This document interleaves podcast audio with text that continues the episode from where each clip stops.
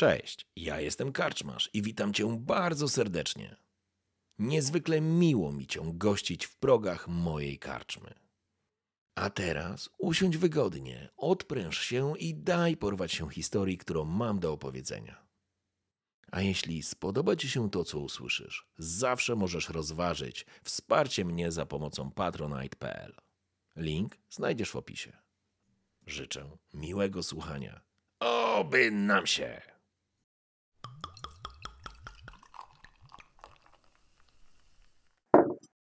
W poprzednich odcinkach spisuję swą historię, aby świat w końcu zrozumiał, jak bardzo się pomylił. Nazywam się Otto Peckendish i byłem akolitą Wereny, choć cały świat uważa mnie za czarnoksiężnika chaosu. Z rodziną najlepiej wychodzi się na obrazach i to z boku, żeby łatwo było się odciąć. Szkoda, że wcześniej nie rozumiałem mądrości tego porzekadła. I kiedy odnalazł mnie mój wuj Jorland, uznałem, że złapałem panią Werenę za stopy i świat stoi przede mną otworem. Nie myliłem się. Stał. Tylko nie takim otworem, jak mi się marzyło. Wpadłem jak śliwka w kompot. Wuj okazał się demonologiem, który wykorzystał głupiego dzieciaka. Tak trafiłem do więzienia i zostałem skazany na śmierć. Wszystko tylko dlatego, że uznano mnie za Jorlanda, który kolejny raz miał oszukać swoje przeznaczenie.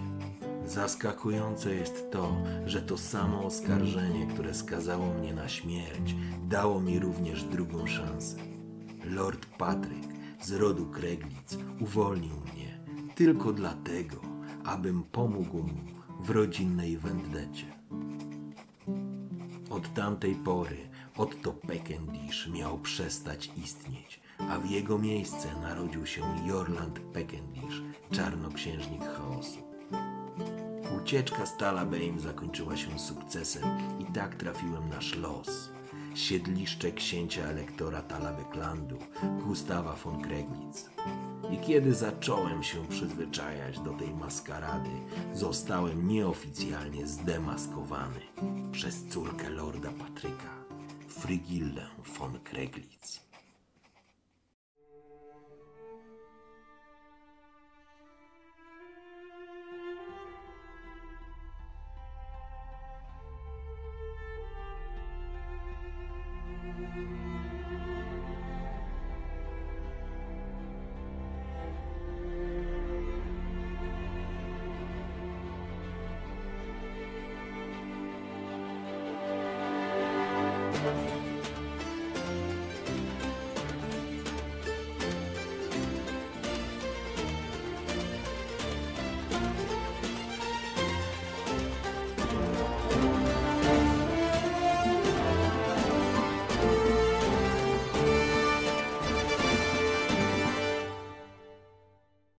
Witam Was bardzo serdecznie, jestem Karszmasz. Odpalamy kolejną sesję w Warhammera, którą poprowadzi Paweł, czyli Paul, a ja jestem zwykłym akolitą, który moli teraz, musisz, proszę Cię, e, to pies, który po prostu zmierzy się z mierzy się z problemami tego świata i udaje wielkiego demonologa, ale o tym za chwilę. Przedstawiam Pawła. Musimy dołączyć do twojej drużyny psa, to wtedy będziesz mógł trzymać w pokoju Moli. Witam was serdecznie. Stoisz na ośnieżonym, ciemnym dziedzińcu w górach środka świata. Dziedzińcu należącego do klasztoru Weren. Widzisz spękany bruk. Widzisz spękane, obrośnięte jakimś przedziwnym czarnym krzewiem mury. Wokół panuje mrok. Nie płonie żadna świe- żadne światło, żadna świeca. Nie słyszysz modlitewnych chórów. Nie widzisz znikąd żadnego ruchu. Może jedynie wolno poruszające się w przestrzeni wokół ciebie płatki śniegu. Z daleka w ciemności widzisz kontury należące do klasztornych ogrodów, w tym i ogrodów Mora. Widzisz drzewo wsparcia, na którym często przesiadywały ptaki, w tym i okoliczne soły. Wyczekujesz wpatrzony w rozwarte wrota na nadjeżdżający furgon. Czekasz, ale nie doczekujesz się. Nic nie nadjeżdża. Nie słyszysz dzwoneczku. Nie ma wokół gwiazd. Nie ma księżyca czy księżyców. Nie ma nawet Morsyliba. A może jest? Ale ty go nie dostrzegasz. Ciężkie chmury nad górami środkowymi. Budzisz się. Choć na początku nie zdawałeś sobie z tego sprawy. Otoczyła cię po prostu ciemność. Przez chwilę twoja świadomość spływa do twojego ciała. Leżysz w ciepłej, miękkiej pościeli, na wygodnym łóżku. Delikatnie łopocze baldachin, właściwie materiał, przytroczony do baldachinu. Oczywiście znajduje się w nim kilka dziur. Mole już zrobiły swoje.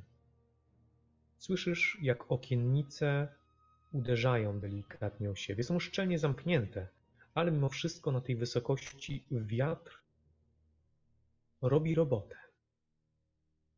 Nie ma tutaj okien. Nie wytrzymałyby, chyba że byłyby z bardzo grubego szkła. Jest ciemno, a ciebie obudziła nagła potrzeba. Tak, przyjaciel. Najadłeś się, napiłeś, a od trzech dni nie byłeś w toalecie. No cóż, bardzo prozaiczny powód, ale przeciągam się. Wstaję, podchodzę do, mm, do okna. Próbuję określić mniej więcej porę nocy. Odsłaniasz baldachin i instynktownie kierujesz się do snopu światła, jaśniejszego miejsca w twoim pokoju. To tam muszą, musi znajdować się okiennica. Wdeptujesz w kałużę śniegu, czyli w to, co udało się nasypać wiatrowi przez szpary okienne. Delikatnie otwierasz okiennicę, zdejmujesz skobel i przytrzymujesz ją, żeby nie walnęła o ścianę. Wyglądasz na zewnątrz. Na zewnątrz pruszy zwolna śnieg. Wiatr nie jest tak silny. Nawet na tej wysokości. Wyglądasz na zewnątrz, a te ciężkie, masywne chmury przykrywające gwiazdy wydają się tobie znajome, jakby były one częścią twojego snu. Niestety nie jesteś w stanie określić, jaka jest pora nocy, ale na pewno nie zmierzcha, na pewno nie świta. W porządku, no to biorę jakiś szlafrok czy, czy coś takiego i narzucam na siebie, a jeżeli nie, to nie wiem, jakiś płaszcz po prostu narzucam i e, oczywiście biorę swoją linę, która jest na przegubie ręki zwinięta. Nie ma jej. Jakiej nie ma? Nie ma jej zwiniętej na przegubie ręki. No nie ma jej. Wymacujesz dłonią swój przegub, wymacujesz dłonią przedramię, tors. Oczywiście jesteś w koszuli nocnej, którą założyłeś, ale nie wyczuwasz jej. Stoisz w kałuży śniegu, przechodzisz kilka kroków po pokoju, jest ciemno, jak już powiedziałem w pomieszczeniu. Widzisz zarysy łóżka, zary, zarysy szafy i bali, wokół której porozrzucane są przedmioty, których nie posprzątałeś. Na ziemi rozlane jest trochę wody. Pamiętasz, jak Frigilla wylała szklankę wody, ale nie zrobiło to na wrażenia, bo wokół były kałuże, gdy wychodziłeś z bali. Więc odnalazłeś szlafrok leżący na jakimś podstoliczku, założyłeś ten ciężki atłasowy, e, atłasowe szaty i chwytając się ramienia baldachimu, czy kolumny baldachimu, wyczułeś, że wokół tego stylizowanego i zdobionego mm, drewnianego mm, oparcia coś jest zawinięte. To lina, która poruszyła się tak jakby przeciągała się. Mhm. No w porządku. Wyciągam rękę, tak jakby jak do niej, jak do ptaka. Mhm. Podświadomie, czy tam w myślach po prostu nakazuję jej, że tak powiem, nie wiem, w oplecenie mojej ręki, czy, czy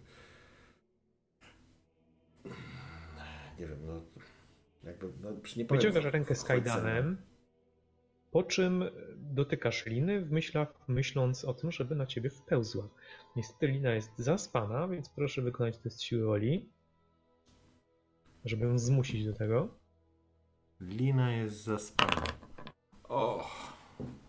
Widzę, że znowu No tradycji stało się niestety, zadość. nie wpełzła na ciebie. Nie, tylko opletła się mocniej wokół tego palika i została tam. No dobra, w porządku. No, myślę, że w kiblu nic się złego nie wydarzy, zatem wychodzę na korytarz. Wiele sławnych osób zginęło w toaletach. No dobrze, ruszasz, y, otwierając do drzwi, wyciągasz klucz, który oczywiście też wymacałeś. Zrzuciłeś jakąś niewielką wazę, ale nie masz czasu jej szukać, poturlała się gdzieś, nie zbiła. Włożyłeś król, e, król. Włożyłeś e, klucz do zamka, otworzyłeś drzwi i wyszedłeś na korytarz, za, zam, zamykając szczelnie. E, oczywiście nie muszę mówić, że w korytarzu jest ciemno. Nie widzisz tutaj strażników. Nie są porozpalane Widzisz- pochodnie czy kaganki? Jest statuły. Nie. Jest tutaj zaciemnione. E, a Niemniej, niemniej jednak jest dosyć sporo światła, gdyż okna w korytarzu przejściowym są odsłonięte. I z dziedzińca musi wchodzić nieco oświetlenia.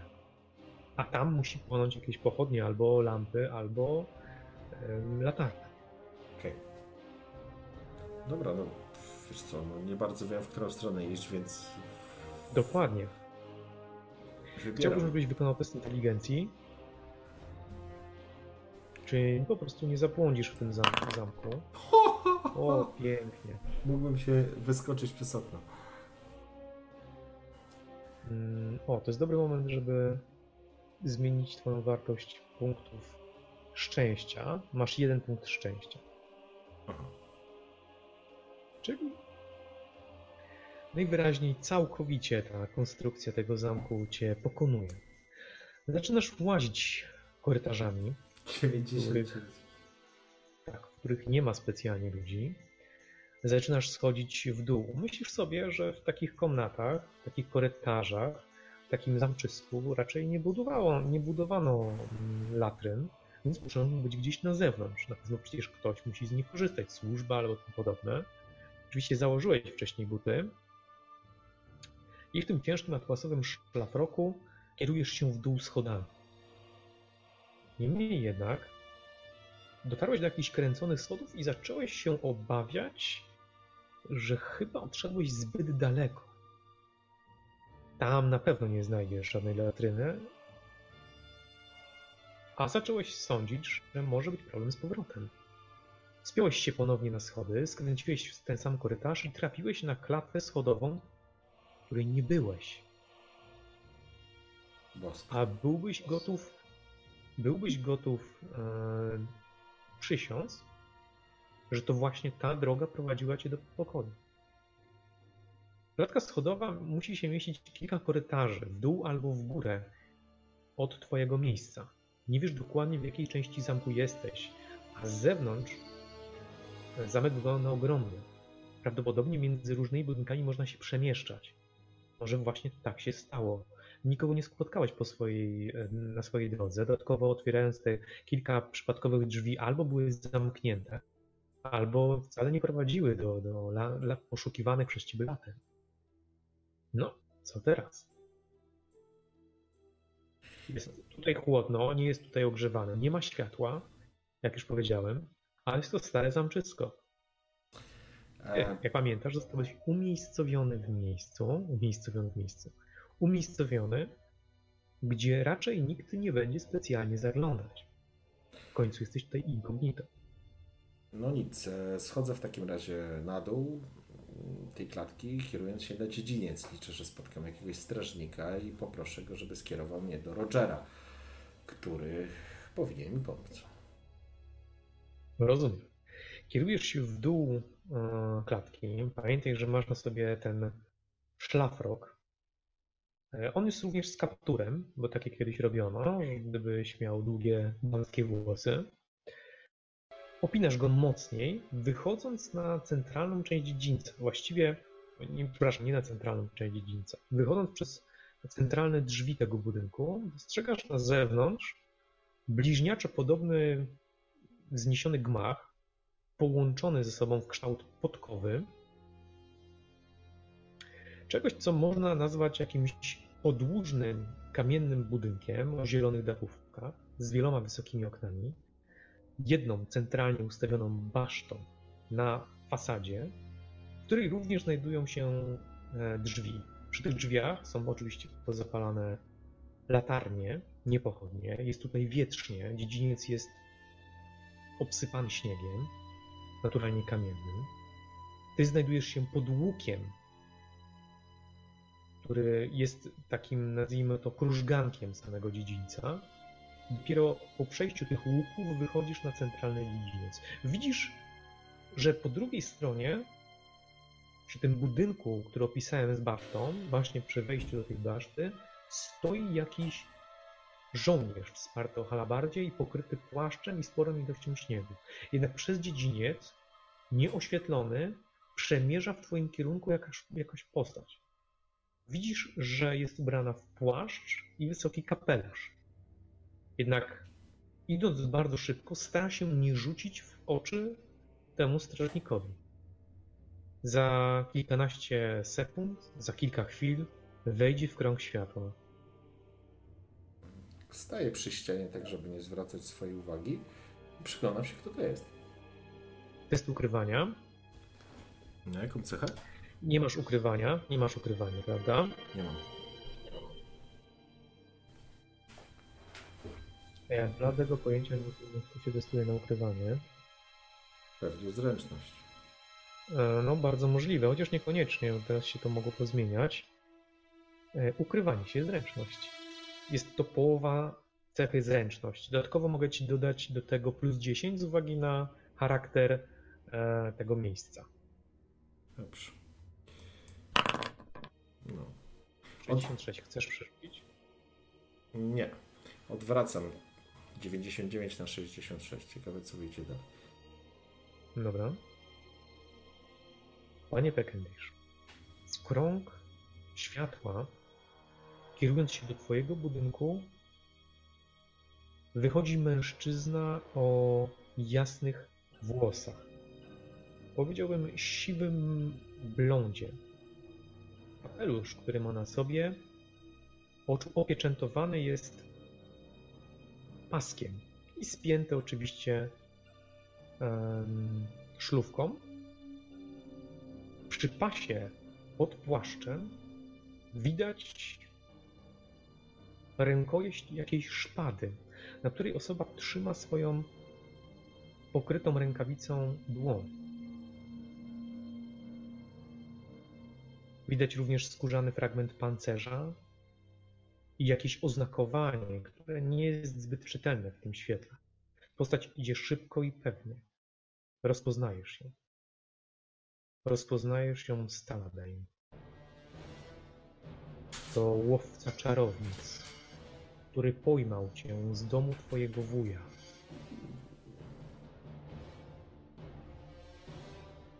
Naciągam kaptur. Zatrzymał się Naciągam, poprawiam kaptur, bo jest zimno.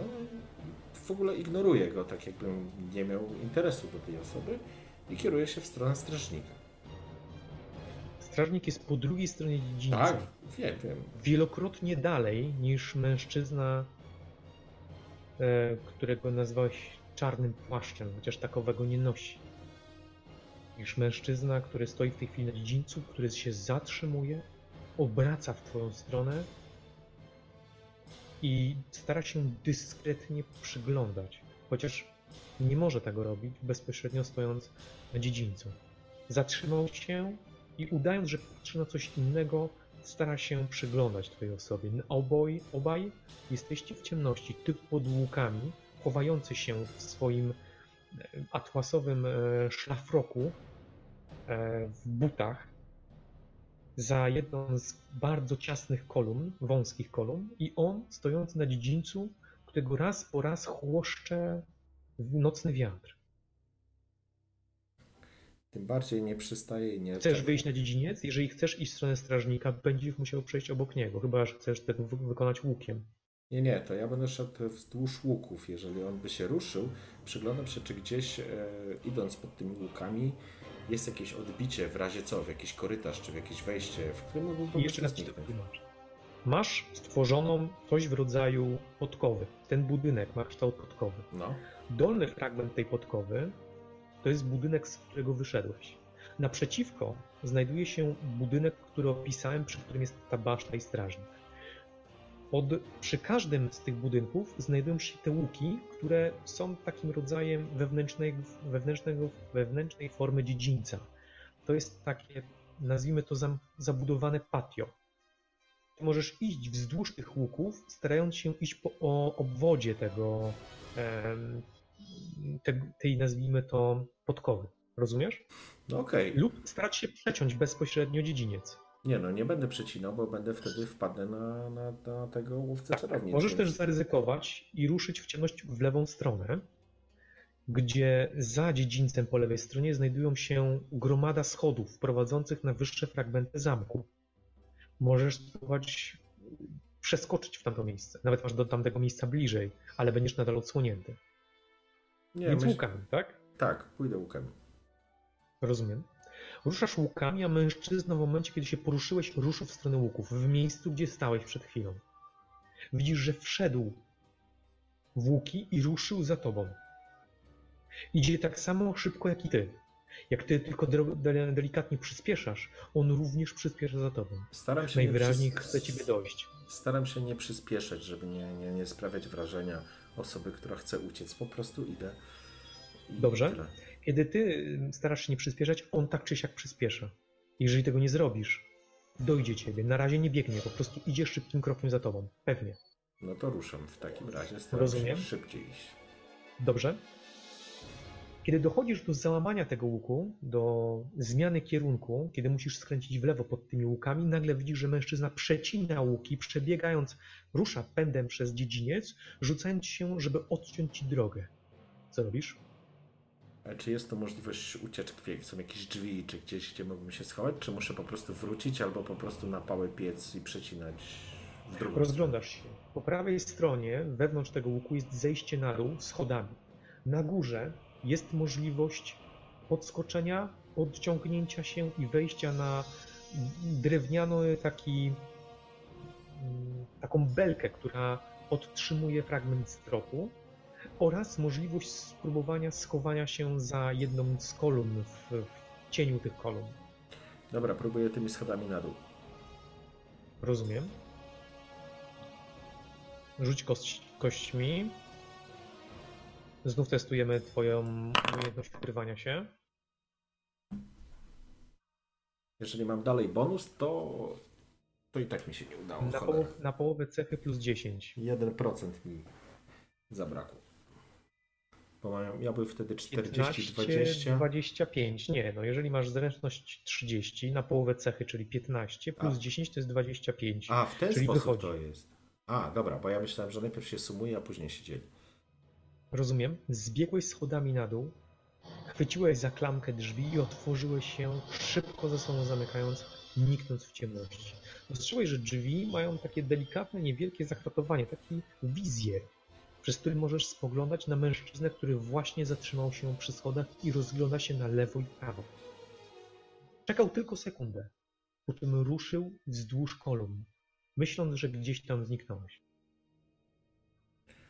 No cóż, to chwileczkę tu czekam. do- Odtonie to było niebezpieczne. No to ktoś to powiedział? Nie, ja to mówię. Czujesz to w sobie. Aha. W porządku, no. Słuchaj, rozglądam się tutaj po pomieszczeniu. Czy to jest zamknięte pomieszczenie, czy jest stąd jakieś inne wyjście? Jest to magazynek. A jeżeli jest tutaj inne wyjście, to musiałbyś no, obmacywać ściany. Aha, nie. Widzisz e, składowane beczki, składowane jakieś e, skrzynki, rzucane e, worki. Wezmę może beczkę i będę udawał beczkę. Dobra, podchodzę do tego. Do tych... Słuchaj, podchodzę do tego wizjera i patrzę jeszcze, czy on sobie poszedł. Nasłuchuję, czy od, słyszę od. Słyszysz tylko wiatr. On naprawdę cicho się poruszał. Nie, nie, możesz rzucić, ale będzie to minus 20. Będzie to y, inteligencja plus. No, spo- test spostrzegawczości się rzuca. Minus 20. No to dupa. Niestety nic nie słyszysz poza wiatrem hulającym e, na dziedzińcu.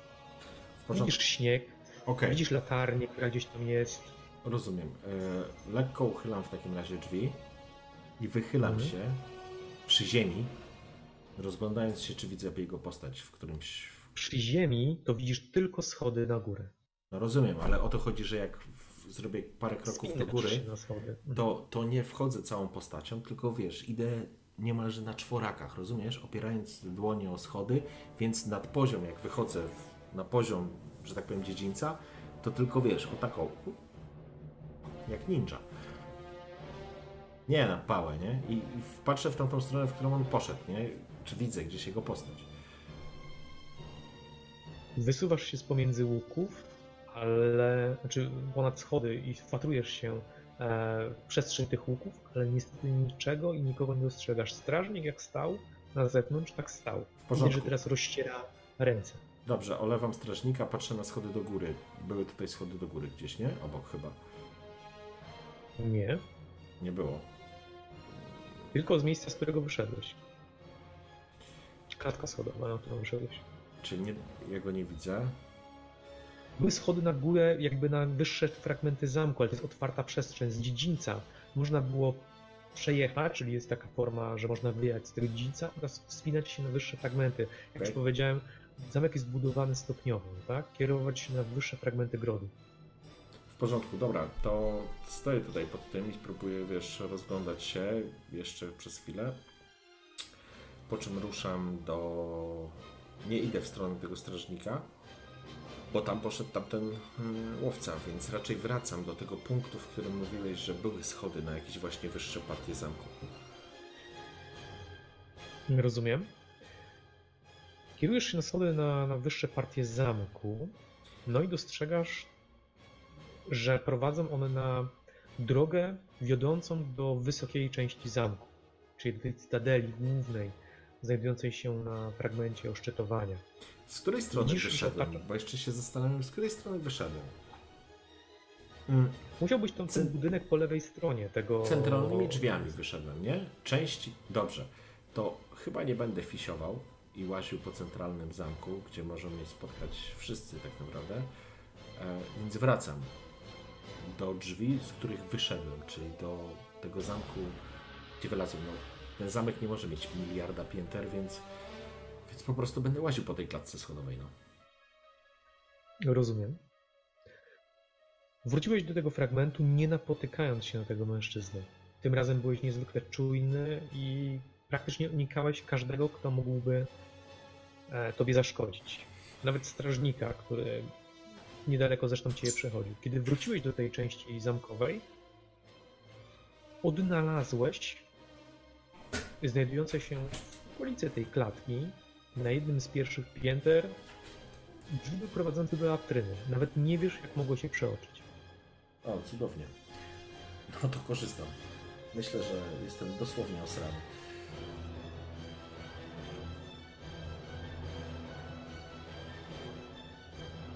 No, na pewno nie jesteś. E, jesteś spięty, jesteś zdenerwowany. Ale znów nie wiesz, kiedy masz wrócić.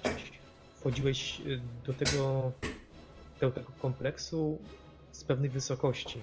Pamiętasz, że kierowała tam grobla. Nie schodziłeś z poziomu żadnego dziedzińca. Witamy wszystkich. Jojo! Okej. To Siedzisz była najbardziej śmiertelna kupa w życiu. Moment, moment. Ty, trz, ty Wcale, wcale nie idzie tak dobrze, jak myślisz. Tak w ogóle. Na toalety i zestresowany, zastanawiając się, e, ale w pewnym momencie się rozluźniasz. I nagle słyszysz, że ktoś podchodzi pod drzwi. Coś delikatnie nucąc, po czym chwyta za klamkę, za uwiązł taki właściwie sznur i ciągnie, ale zamknąłeś oczywiście e, sam, e, samą toaletę. Halo? Dashbur? Ktoś tam jest? Zajęte! A, no tak. Daszbur, nie teraz! Za dużo wypite, za dużo zjedzone. Rozumie się samo przez się, ale sądziłem, że tylko ja mam takowe problemy nocne. No nic, mości kawalerze. Jak twoja godność?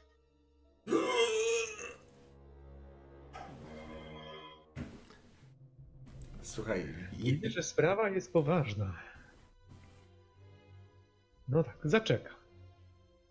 Czekając dosłownie kilkanaście, może kilkadziesiąt sekund, słyszysz, że mężczyzna coś, nie, może nie tyle co nuci, co intonuje, mówiąc mroźną nocą wicher dnie, wicher dnie, mroźną nocą wicher. Przyjacielu, odzywa się do ciebie. Masz może rym do dmie?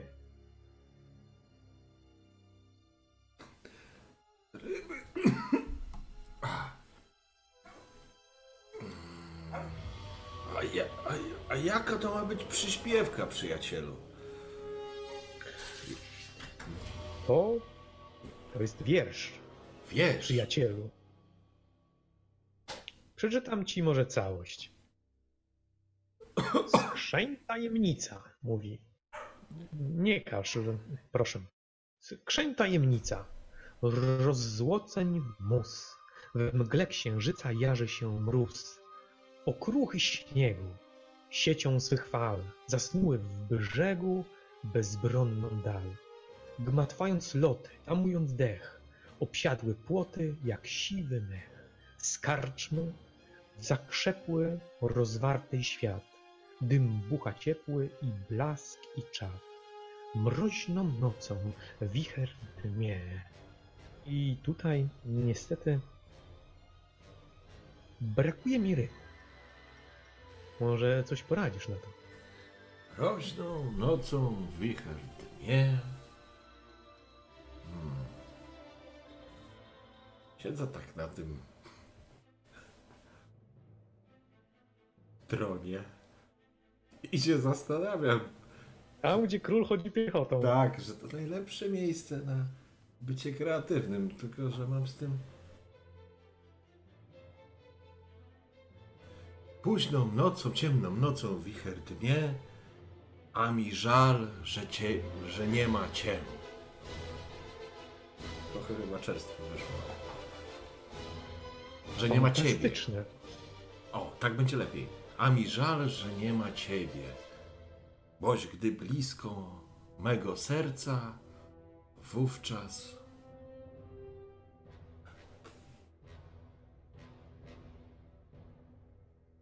Wówczas ciepło kruszy. No dobra. Musiałbym się zastanowić.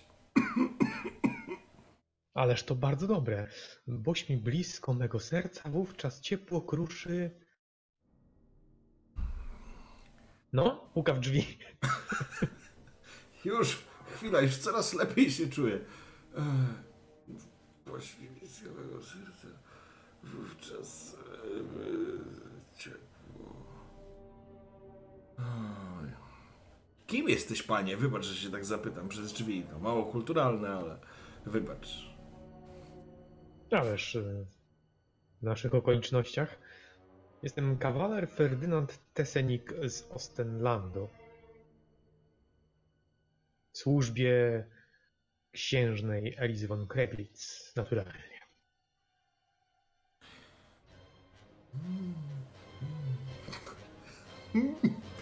Niezwykle mi miło. Nie dosłyszałem twojej godności, kawalerze. Gram, gram na czas. Cały czas gram na czas. Jezus. Gira. Na werenę. Co ja teraz powiem? Jestem... Wybacz. Akolitą Wereny. Przybyłem w te ostępy, aby nauczyć się co nieco o tradycjach. Oj, to poważna widzę sprawa i długo ci Stru- zajmie jako to. Strułem się, kawalerze. Nie wiem, czy nie szybciej będzie, gdybyś ruszył szukać innej latryny, bo ja obawiam się, że Werena mnie właśnie karze za zbyt bliskie obcowanie z trunkami kapłan, kapłanów Tala. To prawda, potrafię oni ważyć i pić. To też udam się e, odosobnienie, ale dziękuję ci serdecznie za te rymy. Są wyśmienite, wspaniałe. Na pewno oczarują moją panią. Życzę ci udanego snu, nocy i reszty twego życia, o ile się nie spotkamy. Bywaj. Tobie również, szlachetny panie, bywaj. Po czym kończę. Faktycznie słychać podchodzące kroki. żeby zachować. Dobra. Tymczasem oporządzam się, żeby nie wchodzić w szczegóły i podchodzę do drzwi. Odszedł. To bardzo dobrze. Wiesz co, różne rzeczy już miałem, ale żeby zginąć w miejscu, drodze do klopa, to byłby szczyt. Dobrze, wychodzę. Wychodzę i sprawdzam, najpierw otwieram i sprawdzam, czy ktoś jest na korytarzu. Nie, nie dostrzegasz nikogo, ani strażnika, ani e, kawalera Ferdynanda, którego w- zresztą nie widziałeś przez drzwi. Rozumiem. Czy w ogóle ta okolica coś mi mówi, przypomina?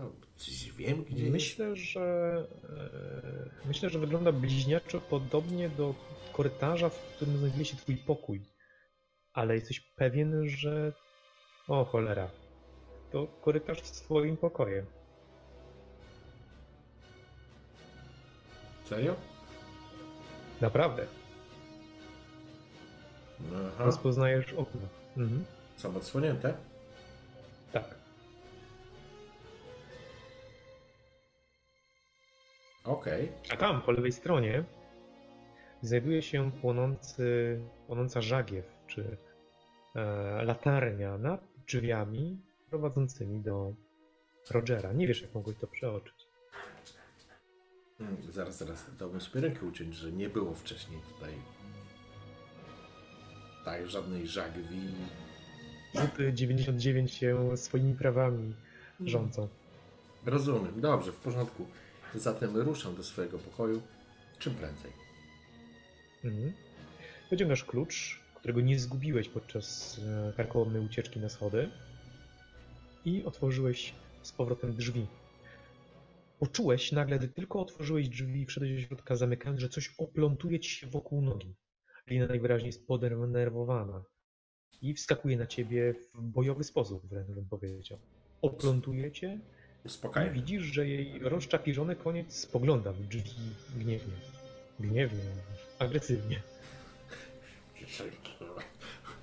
Uspokajam Linę, z wyrzutem na nią patrzę, myśląc, że jak chciałem, robię jej wymówkę. Nie wiem, czy brzmi to idiotycznie, ale robię jej wymówkę. Chciałem cię zabrać, to spałaś. I tak ją walę w łeb. W łeb, w tą końcówkę. Dobrze? Po czym zamykam No, drzwi. nie odpowiada. No, dobrze. Nie, nie oczekuję, że rozpocznie ze mną konwersację na temat wierszu i rymów. E, O, przez chwilę ci zniknąłeś. Dobrze, zamykam drzwi Tak, na klucz. tak. Zamykam drzwi na klucz, to bardzo ważne. Mhm. Siadam sobie na łóżku. Chyba już. Nie wiem, czuję się zmęczony, czy raczej nie zasnę? Myślę, bo- że jesteś mocno rozbudzony, Mhm. przestraszony nadal trochę i wciąż e, odczuwasz no, niebezpieczne spotkanie z tym poszukującym cię mężczyzną. Próbuję sobie przypomnieć, jak on się miał na, jak miał na, na imię i nazwisko. Bo on się przedstawiał, ale nie pamiętam. Tak, przedstawiał się tobie. Nazywał się Kurt Nantek. O, właśnie, Kurt Nantek. Kurt. Dobrze, mm, zatem jeżeli nie mogę spać, podrzucam jakieś polanko do kominka, żeby się rozpaliło. No, musisz rozpalić ponownie, bo wygasło w międzyczasie. Ach, Było ciemno w pokoju, kiedy się obudziłeś. ach, no to prawda. No ale dobra, podchodzę do paleniska, sprawdzam, dmucham, czy gdzieś tam trochę żaru zostało, czy nie zostało nic. No, odratowałeś się. No i dobrze. Mhm. Rozpalam, po prostu dorzucam kilka polanek drewna. Eee, patrzę, zbieram z podłogi te wysypane jedzenie, które tam było dla tej półeczce. Um, zbieram je po prostu do miseczki, stawiam sobie obok, siadam do jakiegoś stołu, odpalam świecę, patrzę, czy gdzieś jest jeszcze butelka z winem. Jeżeli jest, to sobie nalewam, po czym sięgam do worka ze swoimi rzeczami i wyciągam kulę. Kulę wyciągam jest kula. Przyglądam się kuli z zainteresowaniem. Mm, Jeżeli nic mi nie szepcze, nie, nie mówi i nie daje znaków, odkładam ją na bok, po czym sięgam po księgi, które tam zabrałem ze sobą. No dobrze, więc po kolei. Wina niestety nie ma, pamiętasz, zrzuciłeś i rozlałeś e, resztkę. Może wymagałeś jakaś tam resztka tego wina, żeby dopić, przepłukać usta. E, Jeśli chodzi o kulę, ciągi oczywiście wyciągasz, kulę również kładziesz na stoliku i w momencie, kiedy dotykasz ją palcami, opalizujący niebieski dym pojawia się wewnątrz, świecąc. Mm, Jasnym, niebieskim światłem. Dobrze, to trzymam tą kulę. Tak jak mówił wuj Jurland. Jorland. Mm, koncentruję się i przypominam sobie mm, pracownię wuja. Chcę zajrzeć do niej, zobaczyć, co teraz tam się dzieje. Dobrze, wykonaj test siły woli.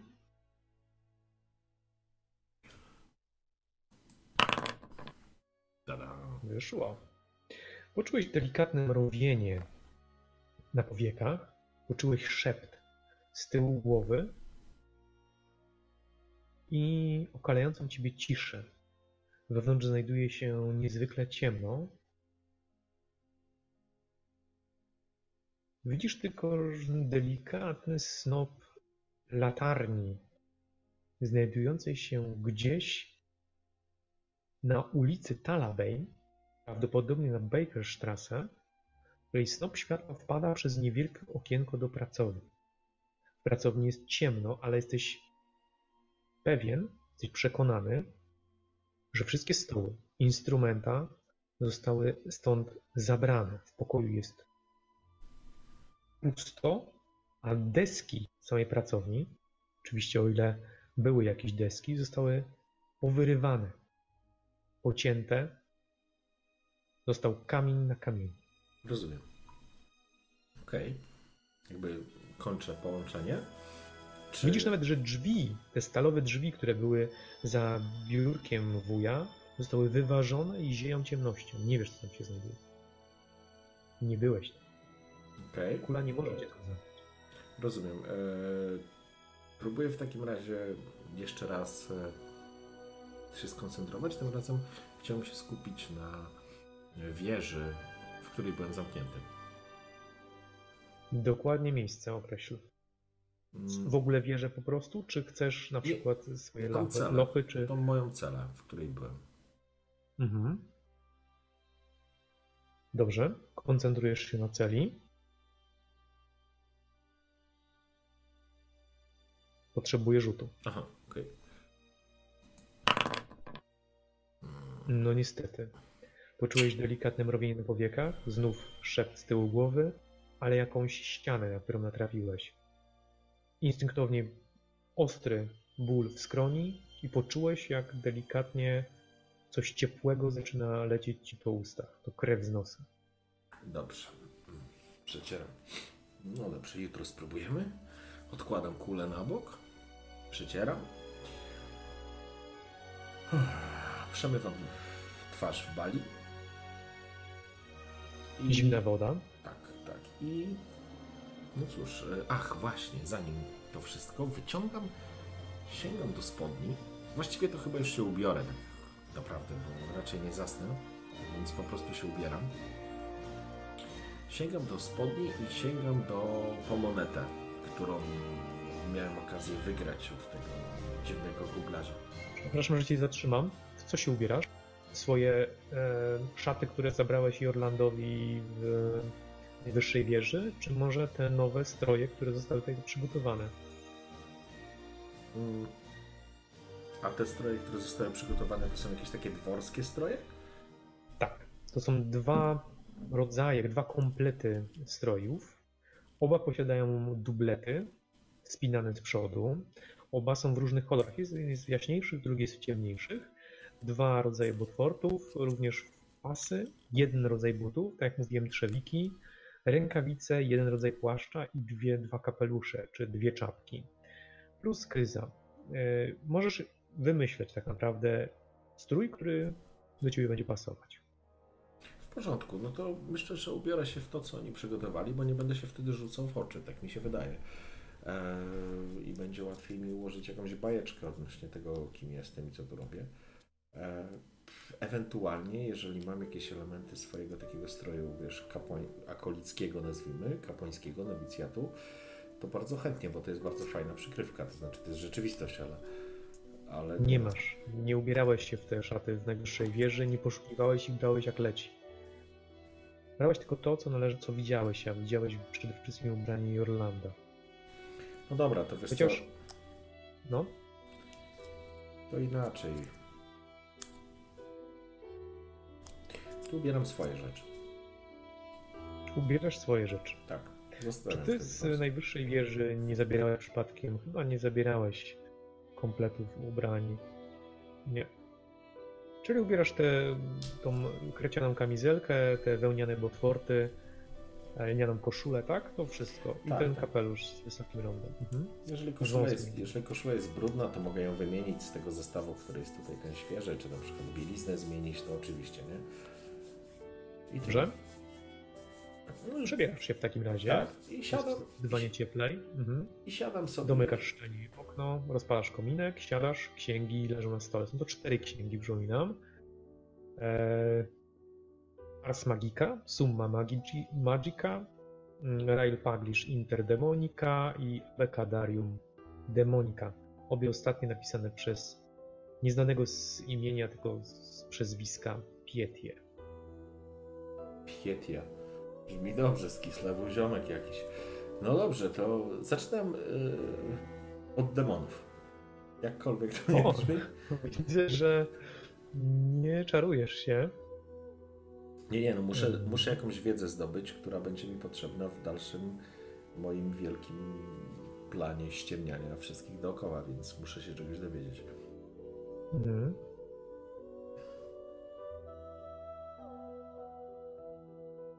Jak przyzwać wielkiego mistrza przemian Cincha, nie? I osiągnąć błogosławieństwo. Dobrze, no to która z tych e, dwóch pozycji, Rail Paglish Inter Demonica, czy Abecadarium Demonica? Abecadarium, czy abecadarium brzmi jakby abecadło demonologii, więc e, wybieram to. Przynajmniej kartkuję No parę dobrze. stron z zainteresowaniem, to znaczy o czym to jest. Nie jest to duża książka. E, Jej karta oczywiście znajduje się w Twoim e, inwentarzu. Wygląda dosyć enigmatycznie, jeśli nie strasznie. Oczy znajdujące się na niej mówią wszystko w ciemnej okładce. Otwierasz na pierwsze strony tego i dosyć szybko zdajesz sobie sprawę, że Abecedarium Demonica zapisane jest w języku klasycznym i zawiera podstawy języka demonologicznego. Dzięki Wyśmienicie. tej książce, dzięki tej książce będziesz mógł zgłębić ten bardzo rzadki tajemniczy język. Nie tylko język, którym się posługują demony, ale i również język, jak twierdzi Pietia na pierwszych stronach, który pozwoli korzystać z rytuałów. No i podpisywać fakty. Brzmi nieźle. Brzmi nieźle. Myślę, że to świetny start na mojej ścieżce mistrza demonologii. No dobrze, to zajęło Ci rap- raptem 5 minut, tak? Przeczytanie wstępu i z- To zobaczenie w jakim To języku. znaczy, w jakiej czytam, bo wychodzę z założenia, że jeżeli w tej książce faktycznie są i rozpoznaję, że są tam podstawy języka demonologicznego, to on będzie mi i tak niepocz- niezbędny do czytania pewnie książek bardziej zaawansowanych. Przy okazji rzucam tylko okiem na tą drugą książkę, tą Inter coś tam. Mhm. Eee, czy ona jest też napisana w klasycznym, czy jest napisana w innym języku? Otwierasz ten Rail Paglish i Okej. szybko zdajesz sobie sprawę, że jest opisane językiem o którym jest mowa w abecedarium. Bez e, abecedarium nie będziesz w stanie Rozumiem. skorzystać z okay. Czyli to jest- ale, No. ale podczas przekartkowywania natrafiłeś na bardzo dziwny i straszny rysunek przedstawiający demona, jakąś poczwarną istotę z rogami, niczym korona na głowie, obdzierającą ludzi ze skóry, topiącą ich we wrzącym oleju, jakiś kadzi. Przerażenie tych ludzi, ciała, które są zdewastowane, są bardzo misternie oddane. Powiedziałbyś bardzo wiarygodnie. Potrzebuję rzutu na siłę woli. Jakie mam rzuty. To jest cudowne. 98. Chcesz to przerzucić? Myślę, że chyba nie będę miał wyboru, albo pożygam się, co? Albo oszaleję. Więc tak. Dobrze. Czyli tracisz punkt yy, szczęścia już teraz, tak? No. Nie chcesz zobaczyć, jaki będzie efekt? Nie. Dobrze. To przerzuć. 36. To gra gitara. 41 mam siłę woli. Dobrze, i 0 punktów szczęścia. I tak właśnie się pozbywamy szczęścia. No dobrze, no. Rysunek był przerażający. Zamknąłeś tą książkę, ale no nie wywarł na tobie większego wrażenia. No tak. Na tym polega demonologia. No. Demonologia, demony nie są aniołkami, ani króliczkami skaczącymi z kwiatka na kwiatek. No. Cholera jasna przecież.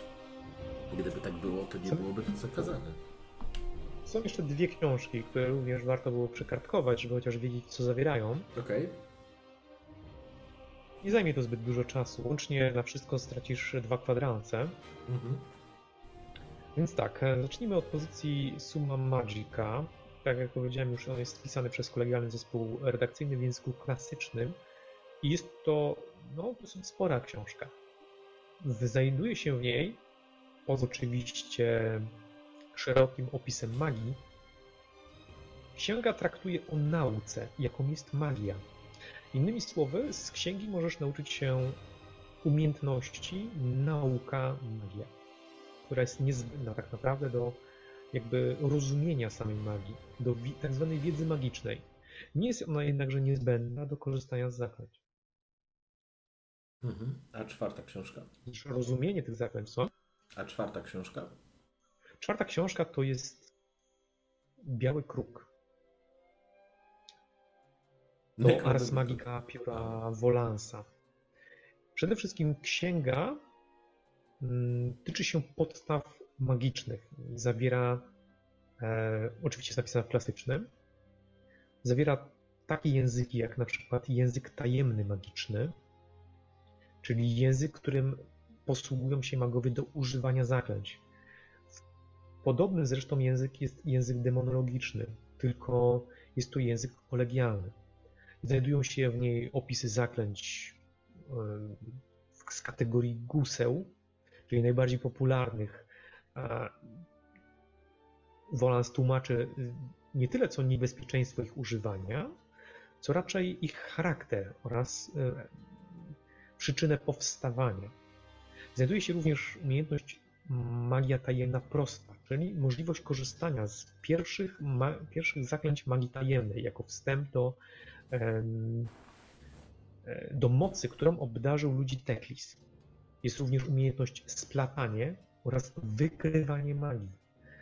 Czyli innymi słowy, umiejętności jest raz, dwa. Są dwie umiejętności, przepraszam, jedna umiejętność i raz, dwa, trzy, cztery aż e, zdolności. Super, kurczę, tylko teraz... e, Hmm. Ja tak kartuję. Chciałbym, żebyś, e, mogę tak tobie przerwać jeszcze na moment, chciałbym, żebyś wszedł na swoją na swój folder, Aha. e, który jest dla ciebie przeznaczony. Co tam sumę? Opis przeczytać? Tak, i nie sumę. E, Jest tam fragment z księgi Wolansa, taki najkrótszy. Okej. Możesz go odczytać na głos.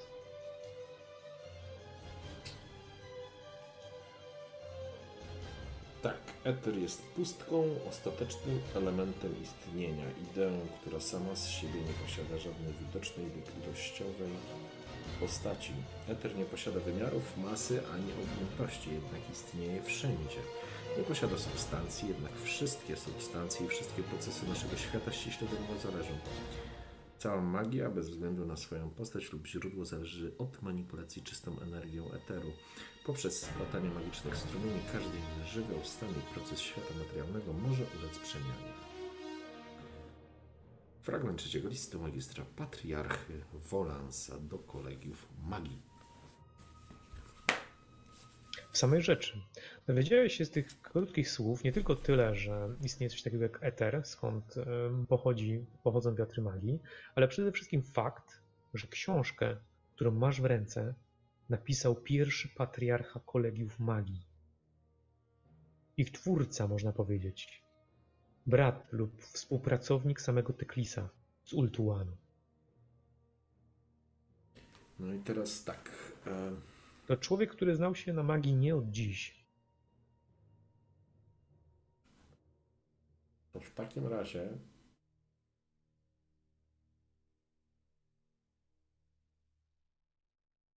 Dobrze, to zaczniemy czytać od Ars Magiki.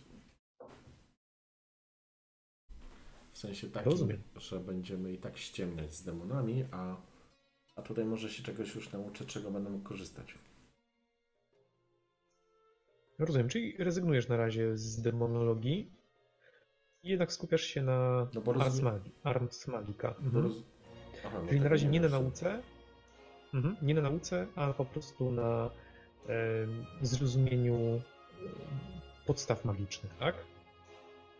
Bo tutaj powiedziałeś, że mogę, mogę się nauczyć jakichś tam prostych zaklęć, tak? Z tej Tak. Magiki. Tak na to wygląda. Są tam jakieś rysunki, są układania rąk, słowa, e, są jakieś wzory czy jakieś diagramy. Wynika z tego, że, że mogą być to zaklęcia. Poza tym sam Wolans tłumaczy, że w księdze opisane są, jest grupa prostych zaklęć. Kurczę, no właśnie teraz mam problem, co, na co się zdecydować. Do tej farsy, którą odgrywam, demonologia mi jest potrzebna. Sorry. Natomiast tutaj mogę się czegoś konkretnego już nauczyć. Ale może będę miał więcej czasu. Dobra, to inaczej. Zaczynam, to już ostateczna decyzja, jak w milionerach. Zaczynam czytać e, o tych demonach, tą ABC, ABCD, ABCDarium. Czyli uczysz się języka podstaw demonologicznego, tak? Tak. Dobrze. Książkę. mm, Nauka języka jest o tyle trudniejsza od przeczytania książki, że trzeba jeszcze no, ten język przeszkolić, prawda? Jeśli chodzi o Pietię, to, to nie był zbyt dobry nauczyciel, więc jedyne co to będziesz korzystał z własnych umiejętności. Pamiętaj, że oczywiście uczysz się wielokrotnie szybciej z książek, ale tak czy siak, e, no będziesz musiał na to poświęcić, e, żeby poznać te podstawy tego języka, przynajmniej pięć wieczorów. Mhm. No to nieźle.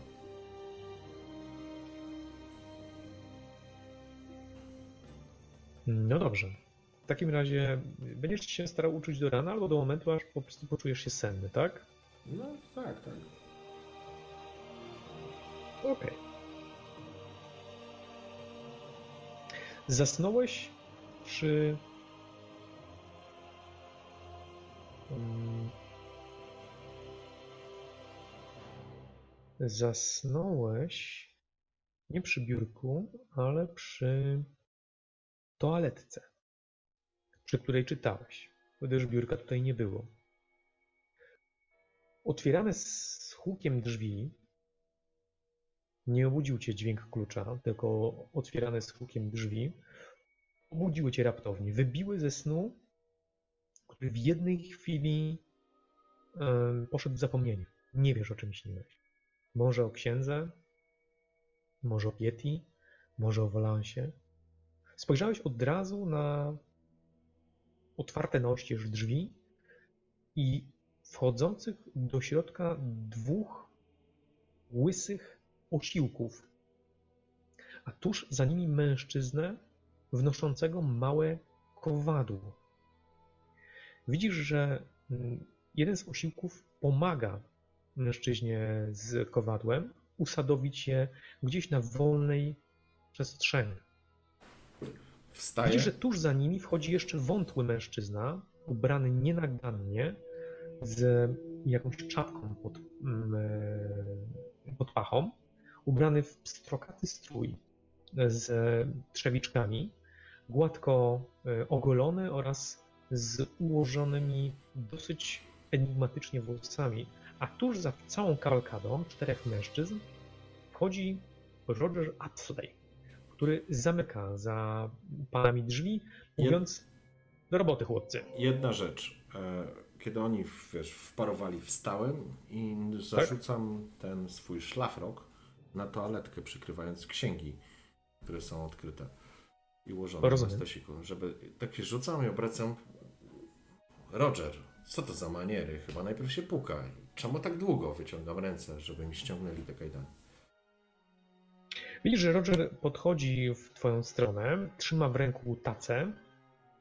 Na tacy widzisz, em, jest jakieś jedzenie.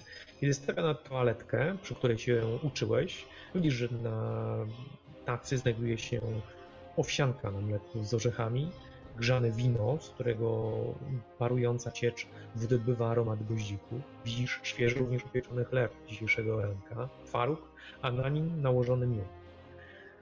Widzisz, że on odkłada tacę, wyciera delikatnie ręce e, w szmatkę, którą miał na ramieniu i spojrzeniem cię przeprasza. Dwóch mężczyzn w tym samym czasie, ustawiając kowadło, zostawiło mężczyznę, który je wnosił i dwóch osiłków ruszyło w stronę bali, która była napełniona wodą, nadal jest, chwyciło po obu stronach i poczęło ją wynosić.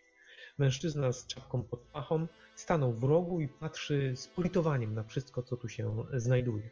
Jednak jeżeli twój wzrok pada na niego, a w końcu pada, mężczyzna uśmiecha się perliście, pokazując czyste, białe zęby.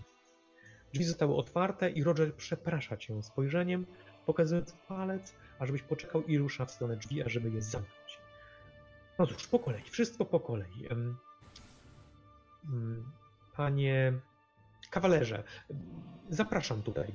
Czas pozbyć się tego, co ma pan na przegubach. Te ozdoby już panu nie są potrzebne. Takie instrukcje.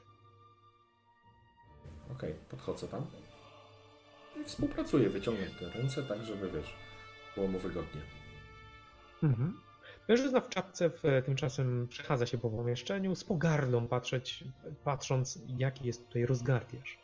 Ty za to pokazujesz Kowalowi, bo najwyraźniej jest to Kowal w e, fartuchu nałożonym na e, jakiś skórzany kaftan, który przygląda im się i spogląda na Rogera z delikatnym przestrachem. Łysy Kowal z brodą, grubawy, mówi przez zęby. Toż to ołów! I patrzy z przestrachem na Rogera. Ołów, nie ołów? Trzeba się pozbyć tych bransoletek. No już, gamonił i uderzył go w tył łysej głowy. Ten się schylił i pociągnął twoje ręce w dół. Spojrzał na ciebie przebrzydle i gniewnie. Zaklął coś pod nosem, a ty jesteś gotów przysiąc, że cię obraził. Jednak wziął się do roboty. Zaczął rozkuwać twoje kajdany i poszło to szybko i sprawnie. Zrobił to z niezwykłą łatwością swoich potężnych, owłosionych ramion. Gotowe, powiedział przez zęby. No i po co były te umizgi? Odezwał się Roger, wyciągając monetę i wkładając ją w brudne, niedoszorowane ręce. Mężczyzna podniósł ciężko kowadło z niewielkimi dłutami na nim znajdującymi się i skierował się do wyjścia. A teraz czas zająć się pańskim wyglądem. Golibroda w tym czasie przesunął, czyli ten mężczyzna z czapką, który rzucił ją niedbale na twoje łóżko, przesunął ciężkie dębowe krzesło i skierował je tak, żeby oświetlenie najlepiej eksponowało Twoją em, osobę. W porządku. No proszę, Zasiadam. Zasiadam. Mam bardzo pewne ręce. Odezwał się, gdy tylko nałożył tobie wcześniej e, ogrzany nad palniskiem ręcznik. Tak. Położył ci na twarz. Jak strzyżemy? Rozpoznałeś akcent, który no, mówi w rekszpilu, ale akcent jest obcy. Poznaję skąd? Nie? A dlaczego miałbyś poznać? Nie wiem, może czytałem o takim akcencie. To nie jest re, regionalny akcent, to po prostu obca osoba. Rozumiem. No dobrze. Dobra, rzuć, niech będzie. Minus 20 na spostrzegawczość. Ach, przecież jestem mistrzem, bogiem spostrzegawczości. O, może nie No, zawsze. nie, Ty, No, ale zobacz, 99, 66, 66, 98. Co tu w ogóle się dzieje? Ja pierdzielę. Dobra, nieważne. E, proszę przystrzec krótko. W tym samym czasie Roger Apsley skierował się do ubrań, którymi wzgardziłeś i zaczął kompletować. Nie wzgardziłem, odłożyłem je. No dobrze, odłożyłeś je, no, nie rzuciłeś ich niedbale, No właśnie. ale ubrałeś się w swoje szaty. On w tym czasie zaczął kompletować, e, kompletować tobie ubiór. Domyślam się, mówi, gdy Golibroda zaczyna ciebie golić i faktycznie ręce ma niezwykle sprawne, że pańskimi kolorami są błękit i czerwień, podkreślający kolor pańskich brązowych oczu, stawiając ich oczywiście w tak subtelne barwy. Do tego można było dołożyć jakieś pióro, może gryfa. Hmm. Ułożył czapkę na łóżku i spogląda się na komplet strojów, który miałby w jakiś jest- sposób Czy, wiesz, tak, staram się nie przeszkadzać go Librodzie, no bo w końcu on, wiesz, strzyże mnie i nie chciałbym mieć pokier- pokiereszowane. Czy masz coś białego? Zależy mi na tym, żeby miał coś białego. białe. Hmm, hmm, Może hmm. jakiś szal? Wyciągnął ze swojego. Tak, wyciągnął ze swojego chustę, ze swojego ubioru i położył ją do tego wszystkiego. Ułożył go na kaftanie, widzisz, kątem oka i zaczął przyglądać się, czy to będzie pasować. Może jeszcze rękawiczki. Hmm, zamyślił się, przykładając e, dłoń do brody. Goli broda właśnie skończył cię golić. E, I w tym momencie przeszedł do nożyczek i zaczął strzyc Jakie ja mam włosy? włosy. Jestem zarośniętym po prostu gorylem teraz, nie? No, byłeś w podróży od prawie miesiąca. Przedzierałeś się przez lasy. Pływałeś krypą, byłeś w lochu. Więc tak. Dużo cię spotkało. Dobrze, na pewno, na pewno chciałbym, żeby brodę, którą mi przy, przycinał, żeby... Chcę zapuścić brodę, to jest jakby jedna rzecz. A, chcesz zapuścić. Tak. Dobra, to musisz zwrócić na to uwagę, bo e, Okej. ja sądziłem, że Nie, nie, dlaczego? Dlatego, że chciałbym zmienić swój wygląd. Najbardziej jak to jest możliwe. E, Więc e, jak mnie widzieli wcześniej, to byłem na, wiesz, miałem kilkudniowy zarost, więc raczej brodę chciałem, żeby mi przystrzygł, a nie ogolił. Tak, żeby była ładnie zadbana, ale żeby po prostu, no wiesz, no brodę zawsze zmieniam. ins- instruujesz Golibrodę tak jak chcesz. Tak. Tutaj sam decydujesz o swoim Jasne. Teraz włosy, chodzi mi o to, żeby one były drastycznie różne od tego, które były. Więc jeżeli miałem dłuższe, to żeby je ściąć na krótko. Jeżeli były z kolei krótkie, to żeby puścić je w jakiś modny i stylowy sposób, żeby po prostu były dłuższe. Chodzi mi, Zdecyduj. W takim razie zdecyduj, jak ma wyglądać twoja postać. dobrze, to powiedzmy, że miałem dłuższe włosy, a teraz będę miał je krótsze i brodę. Dobrze. Rozumiem.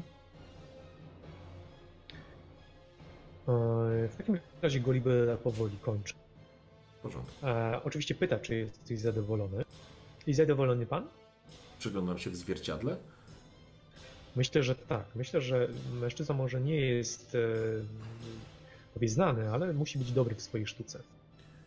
Świetna robota. Świetna robota. Roger, e, słysząc twoje słowa, podszedł do niego i wręczył mu również e, monetę. Tak, żeby raczej nie była, nie była to afirmacja czegokolwiek. Mężczyzna zabrał swoje rzeczy, wcześniej rozłożone w takim e, skórzanym pokrowcu, powkładał je na miejsce, zsunął, związał, skłonił się elegancko, żachnął się jeszcze naturalnie przed wyjściem i omiatając wcześniej całe pomieszczenie, a wy z Upslayem zostaliście sami. Ty obróciłeś się w stronę toaletki i zacząłeś pałaszować wyśmienite, wyśmienite śniadanie. Upslay czeka, bawiąc się kluczem. Roger, jaki jest plan dnia? Co się będzie działo? Mówię między kęsami, nie z pełną gębą. Nie jestem prostakiem. Więc nie chcę zachowywać się jak prostak. Nie, czy... Książę Patryk życzył sobie, żebym zaprowadził pana do baszty bez pamięci. Wręczył mi również do niej klucz. Niestety nie miałem w jego imieniu przeprosić, gdyż miał pana zaprowadzić osobiście. Pewne jednak wyniknęły diaspory. Rozumiem. Mm.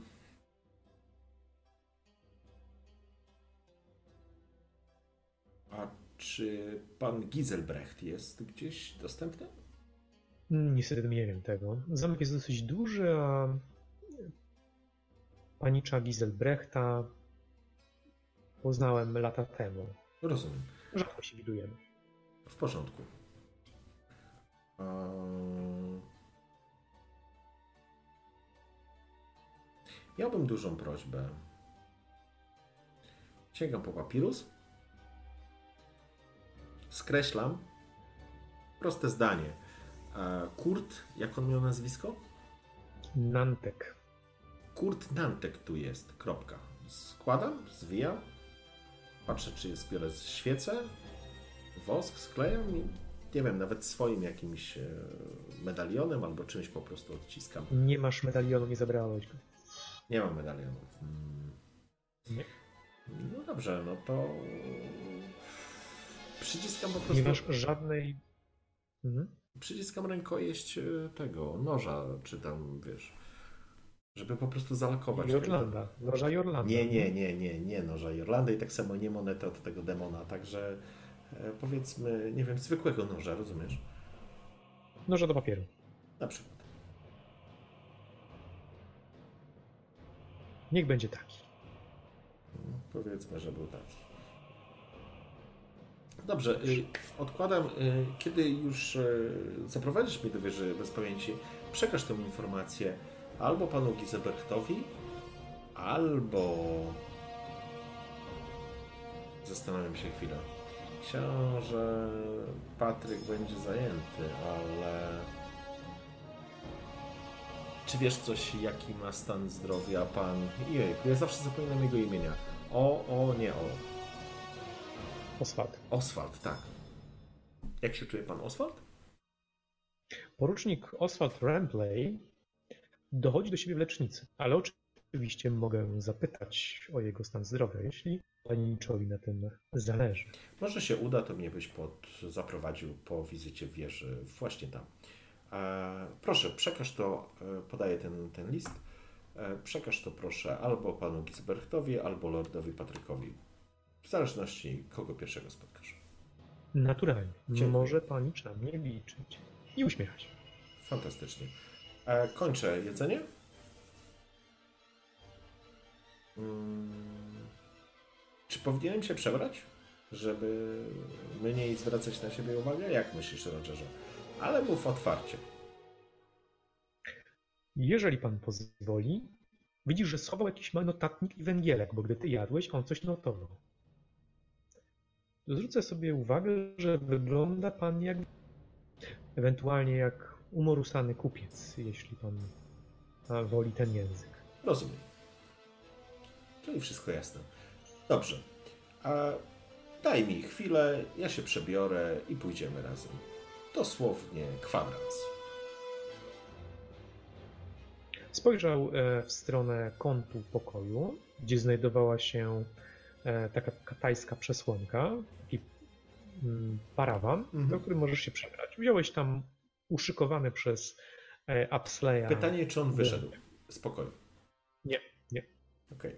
No dobrze, to idę się tam przebrać. Chyba, że chcesz go wyprosić i dasz mu to do zrozumienia, ale ja jako MG twój nie zrozumiałem tego, porządku. żeby on wyszedł. Okej, nie, dobra, to mm, też się przebieram. Rozumiem? Zbierasz te rzeczy i idziesz za parawan.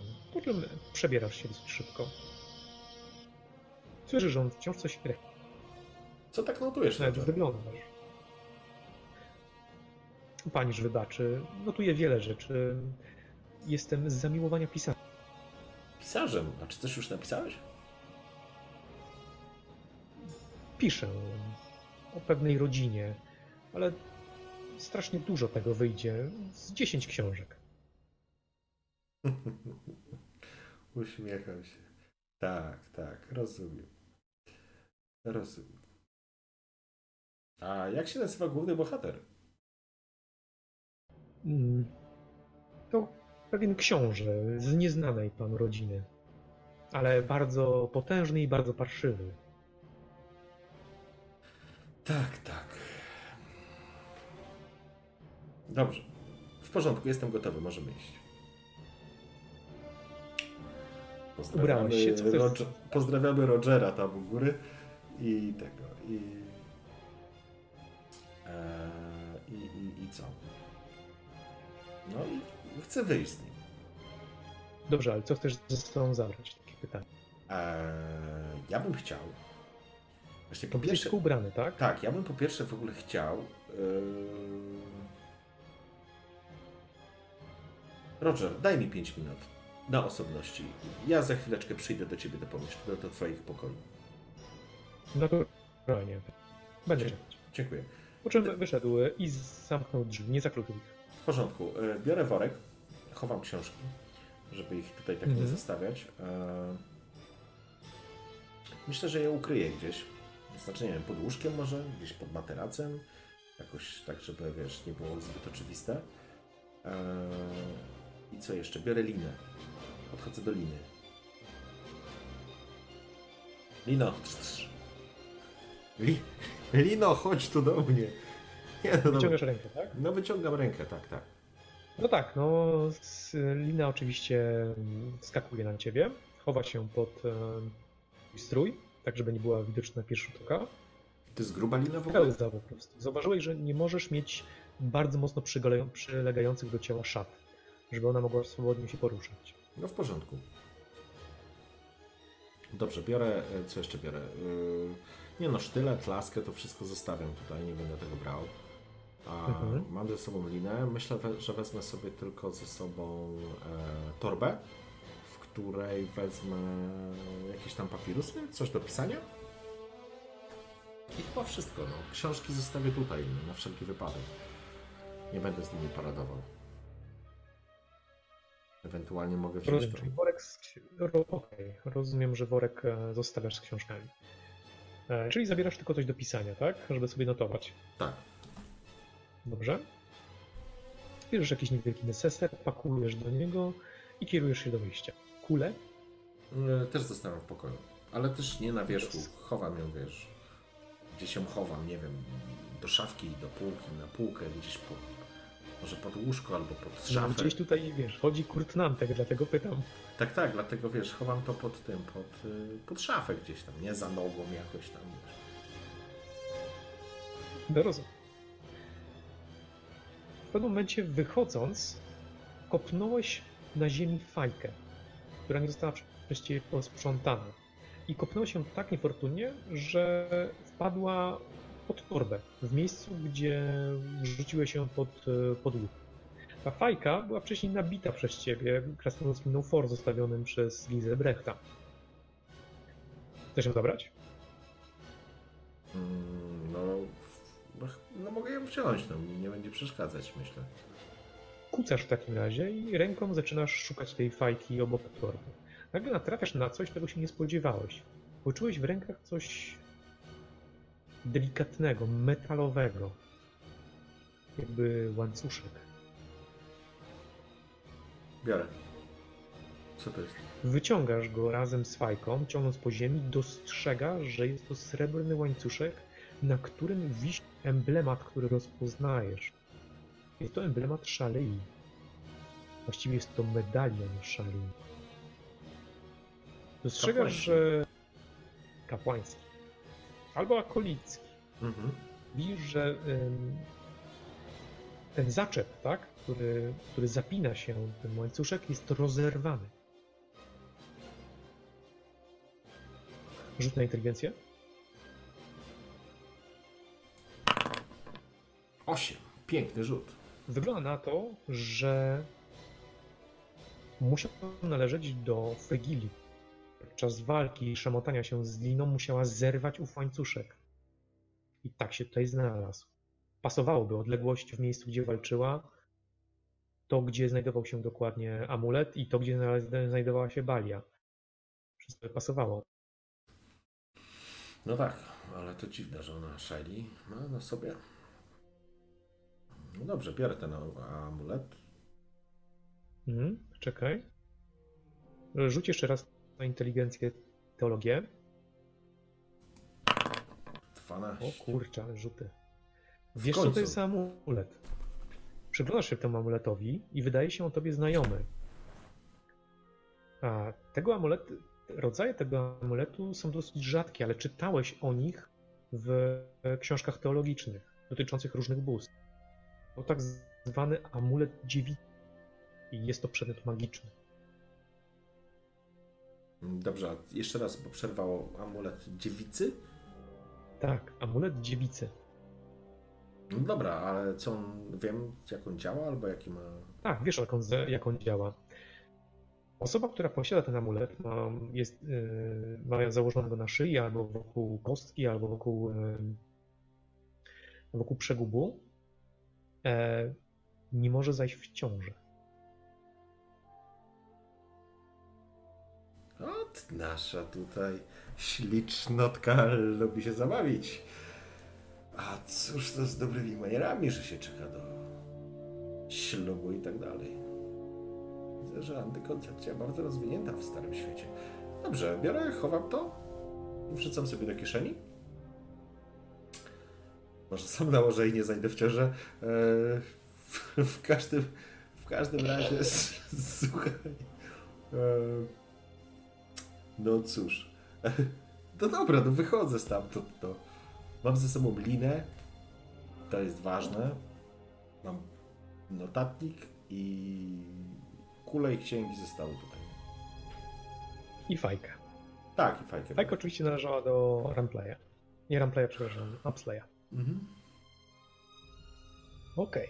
W takim razie kierujesz się i napotykasz na stojące, czekającego na ciebie w korytarzu Rogera, który jak domyślasz się coś pisze. No i jak tam, Rogerze? Złapałeś go na pisaniu właśnie czegoś. I co tam napisałeś? Co, no, co ci wpadło do głowy, powiedz? Możemy iść podczas drogi, możesz mi opowiadać. Nie będę ukrywać, że wiele postaci, które spotykam w swoim życiu, staram umiejscowić, szczególnie te ciekawsze, w jakimś charakterze w mojej powieści. No ale ruszajmy. Moja książka na pewno nie ciekawi pana em, zbyt mocno, chociaż mógłbym o niej opowiadać godzinami. To obawiam się, że jest dosyć mierna. Rozumiem. Jak będziesz miał gotowy pierwszy tom, chętnie go przeczytam. I dam ci informację z oceną. Będę pamiętać, panie Peckendish. Korycie Może- się korytarzem. Może po kilku takich, wiesz, idąc, rzucam dygresję, że może po kilku dniach spędzonych na zamku Szloc zasłużę również na swoje miejsce we twojej powieści. Rogerze, uśmiecham się liście. Nie uprzedzajmy faktów, ale może tak się zdarzyć. Dobrze, chodźmy.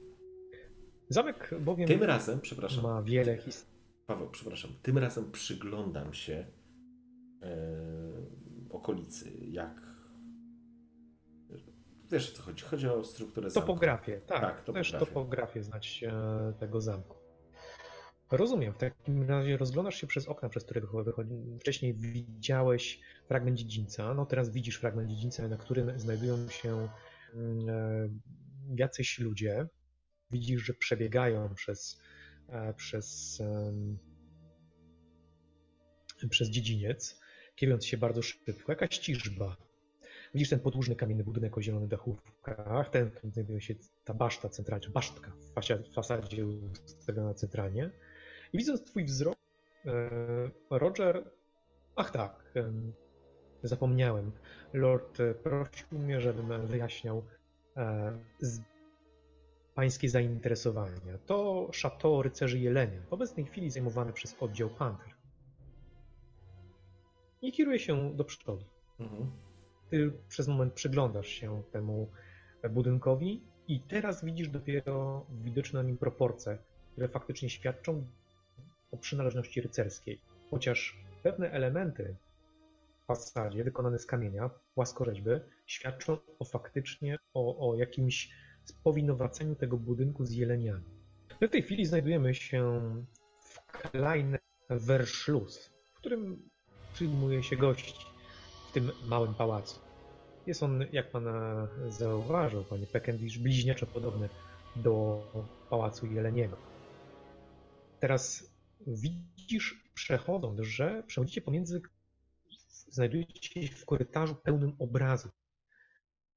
Zaczęły się trochę wcześniej, ale wcześniej nie zwróciłeś na nie uwagi, bo nie były zbyt wyzywające. Teraz zatrzymałeś się koło naprawdę dużym, pięknym obrazie przedstawiającym jakąś kobietę ubraną w czerni. Spojrzałeś wzdłuż i zdałeś sobie sprawę, że to jakieś rodzinne obrazy, możliwe, że rodziny Kreglic. Jest ich naprawdę wiele, ale nie dostrzegasz wśród nich ani Lorda Patryka, ani Eli.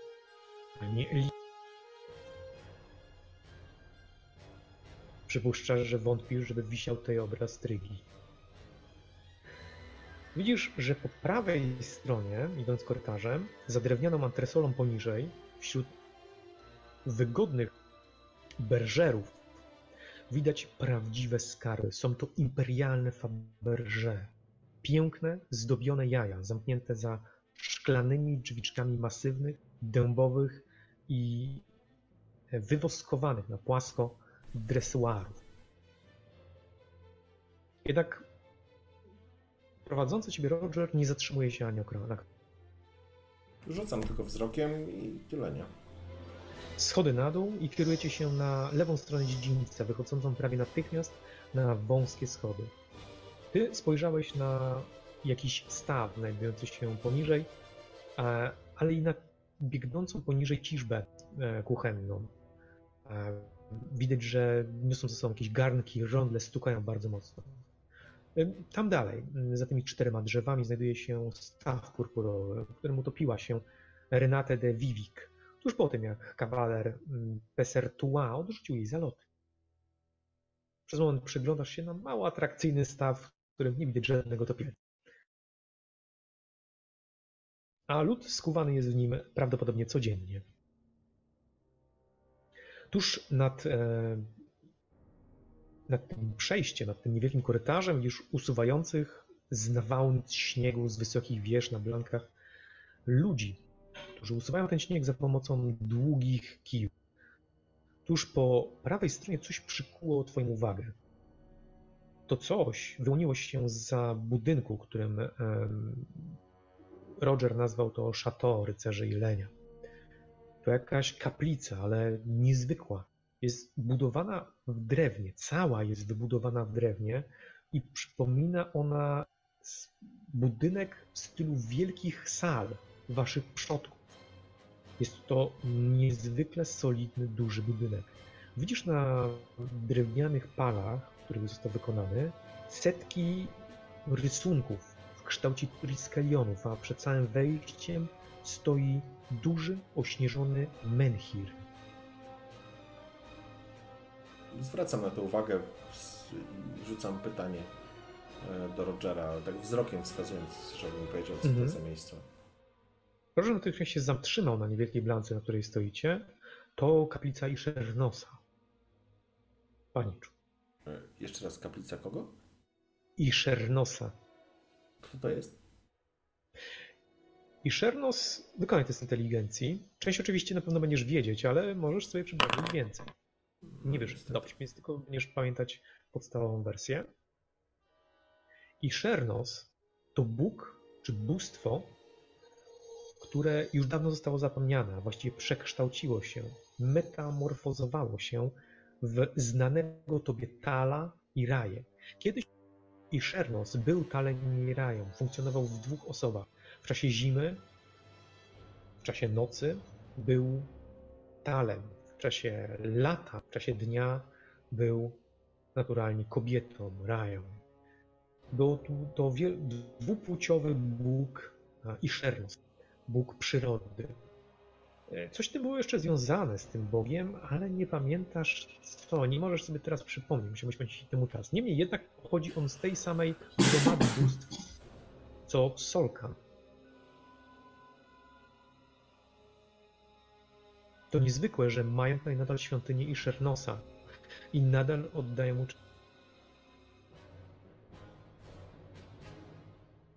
Chcesz o coś zapytać jeszcze związane, czy ruszacie dalej? Bo Nie, nie. Roger rusza dalej. Ruszamy dalej, tak. Po lewej stronie widzisz kamienną grobę, z której widać plac treningowy. Widzisz, że oddziały żołnierzy dokonują tam właśnie batorzenia kilku skazańców lub, lub żołnierzy. Ale ty przyglądasz się restaurowanej bombardzie na blankach. Na aresztowaniu pracują bardzo ciężko na wietrze ludzie, których liny, do których są przywiązani, wiatr po prostu porusza ich na tyle, że, no, że walczą z nim niezwykle. Widzisz, że Roger spojrzał w tą stronę i wyjaśnił. Baszta prochowa i niedźwiedzi dwór. Ty w tym czasie spojrzałeś idąc na wieżę sygnaliza- sygnalizacyjną oraz na ciąg młyńskich kół dowożących wodę z rzeki bezpośrednio do zamku. Widzisz również bramę wjazdową do zamku głównego, czyli te schody, którymi wcześniej chciałeś podążyć, z proporcjami Imperium, Talabeklandu i podległych im rodzin. Dostrzegasz wśród tych rodzin, poza naturalnie Krewliców, dostrzegasz również barona, baroneta Wacława i wiele innych, których nie rozpoznajesz, ale wiesz, jak wielu przysięgało wierność Kreglicom. A zamek jest przecież tak pusty, tak niewielu w nim mieszkańców. Choć są żołnierze, to, to nie widzisz po prostu mieszkańców zamku. Roger, Kiedy zbliża... Mhm. pytam, od razu pytam się go. Roger, czy ten zamek nie powinien mieć większej liczby mieszkańców? Mam wrażenie, że jest opuszczony albo prawie opuszczony. Dlaczego? Oj, to długa historia, panie Pekendich rozejrzał się.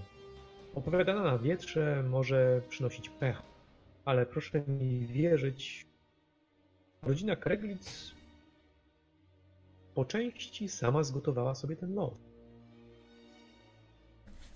Z przykrością stwierdzam, że poprzednicy obecnie nam rządzącego księcia elektora nierozmyślnie podejmowali pewne decyzje. Jedną z nich było oskarżenie i wyrzucenie druidów, wypowiedzenie wojen, no i oczywiście zagarnięcie imperialnego diademu na dość długi czas. a Secesja jałowej krainy, dużo by mówić, paniczu.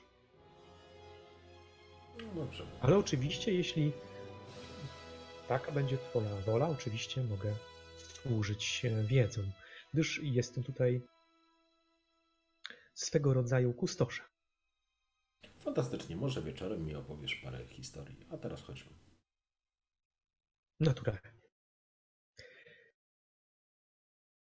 Przechodzicie obok, wzdłuż niewielkiego dziedzińca. Obok widzisz wieżę astronomiczną, z której wyrasta, czy wystaje dosyć dużej wielkości teleskop. Dwóch mężczyzn kłóci, kłóci się przed drzwiami o jakąś symetrię gwiazd. Jeden tłumaczy, że tego nie powinno być. Te gwiazdy były na niebie. Co się stało do jasnej cholery? Wy w tym czasie wchodzicie przez niewielkie drzwi do dosyć dużego budynku. Jest to piętrowa biblioteka, również pusta, a jej regały uginają się pod książkami. Wewnątrz pracuje tylko kilku skrybów. Jeden stojący na drabinie, inny czyszczący, przepisujący jakieś zwoje księgi i jeszcze inny wymieniający okładki. Jest tak naprawdę tylko jeden tutaj użytkownik. Mężczyzna, który siedzi przy jednym ze stole przy wyjściu i widzisz, że przegląda dwie otwarte księgi. W momencie, kiedy otworzyliście do wewnątrz drzwi i wpuściliście śnieg i wiatr, widzisz, że książki z jego stołu zostały poderwane w powietrze, a kilka z nich upadło obok ciebie. A sam Roger idzie do przodu, nie zatrzymując się. Mężczyzna jednak spojrzał na ciebie i dostrzegasz niewielkie okulary okrągłe, krótko obstrzyżoną jasną głowę i bystre oczy niewysokiego mężczyzny w wieku około 40 lat. Patrzy na ciebie. Jest ubrany jak bakałasz, cyrulik albo jakiś skryba. Mężczyzna wstaje wolno z krzesła i przygląda się tobie z zainteresowaniem i trochę z dezaprobatą. Co robisz? Idziesz za Upslayem, Tak. czy zbierasz karty? Nie, nie. y, Aha, bo to spadło obok mnie, tak? Na pewno otwarte drzwi spowodowały ten przeciąg, który podniósł te kartki i wy byliście tego powodem, ale Upsley e, w żaden sposób się nie zatrzymał. Kartki, kilka, kilka kartek wylądowało obok ciebie, a on zaczął zbierać te, które znajdują się w okolicy jego. Podnoszę je, oczywiście, że podnoszę. Rozumiem. Kucasz i zaczynasz zbierać. Dostrzegasz, że na kartkach nie ma nic napisane. Za to są rysunki wykonane ręcznie. I to niedawno. A w miejscu tych rysunków, określające jakieś fragmenty tych rysunków, znajdują się jakieś nieznane tobie symbole i znaki. Ciekawe, zwracam się. Roger, poczekaj chwileczkę. E, Roger zatrzymuje się przy drugich drzwiach prowadzących do wyjścia. Wy po prostu sk- sk- skakaliście sobie drogę do dziedzińca, przechodząc przez ten budynek. Rozumiem. Zbieram e, plik tych kartek. Podaję, Zebrałeś 3-4 kartki, które... Mhm. podaję temu mężczyźnie bardzo ciekawe symbole. Pomimo tego, że całkiem nieźle radzę sobie z językami, nigdy ich nie widziałem. Dziękuję. Odezwał się zbierając tutaj kartki i najwyraźniej chciał zakończyć dyskusję, kierując się w stronę e, książek. Widzisz, że książki zapisane są maczkiem, a rysunki są naprawdę niewielkie w nich wykonane. No nic, no jeżeli... Mężczyzna spojrzał na ciebie, widząc, że jest... Rzuć na ogładę, proszę.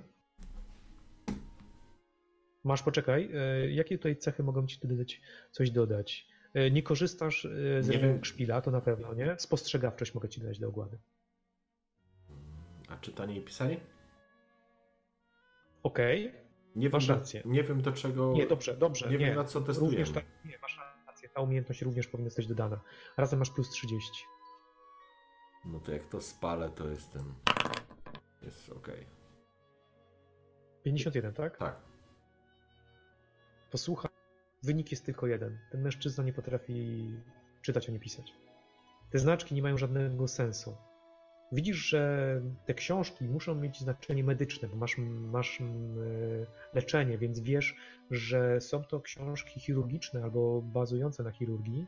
I widzisz, że te rysunki to mm, fragmenty ludzkiego ciała, które są otwarte albo jakieś po prostu poznaczone są e, ró- różne miejsca na ciele przez niego, które on sobie w jakiś sposób opisuje, ale jesteś przekonany, że nie potrafi czytać ani pisać. Stąd dostrzegasz również jego zafrasowanie. Widzisz, że najchętniej by się schował pod ziemię. Jesteś No chirurg? pewnie. Jest, jesteś chirurgiem? Obraca się. Jesteś lekarzem? Medykiem? Cyrulikiem? Jestem medykiem wojskowym. Keller wyciąga w twoją stronę rękę. Podaję rękę. Odtąd. Znam się trochę na leczeniu i widzę, że w bardzo specjalny, specyficzny, ale bardzo pomysłowy sposób opisujesz punkty na ciele i zawarte przy tym, zawierasz przy tym specyficzne informacje. A gdybyś korzystasz ze swego rodzaju kodu, to niezwykłe.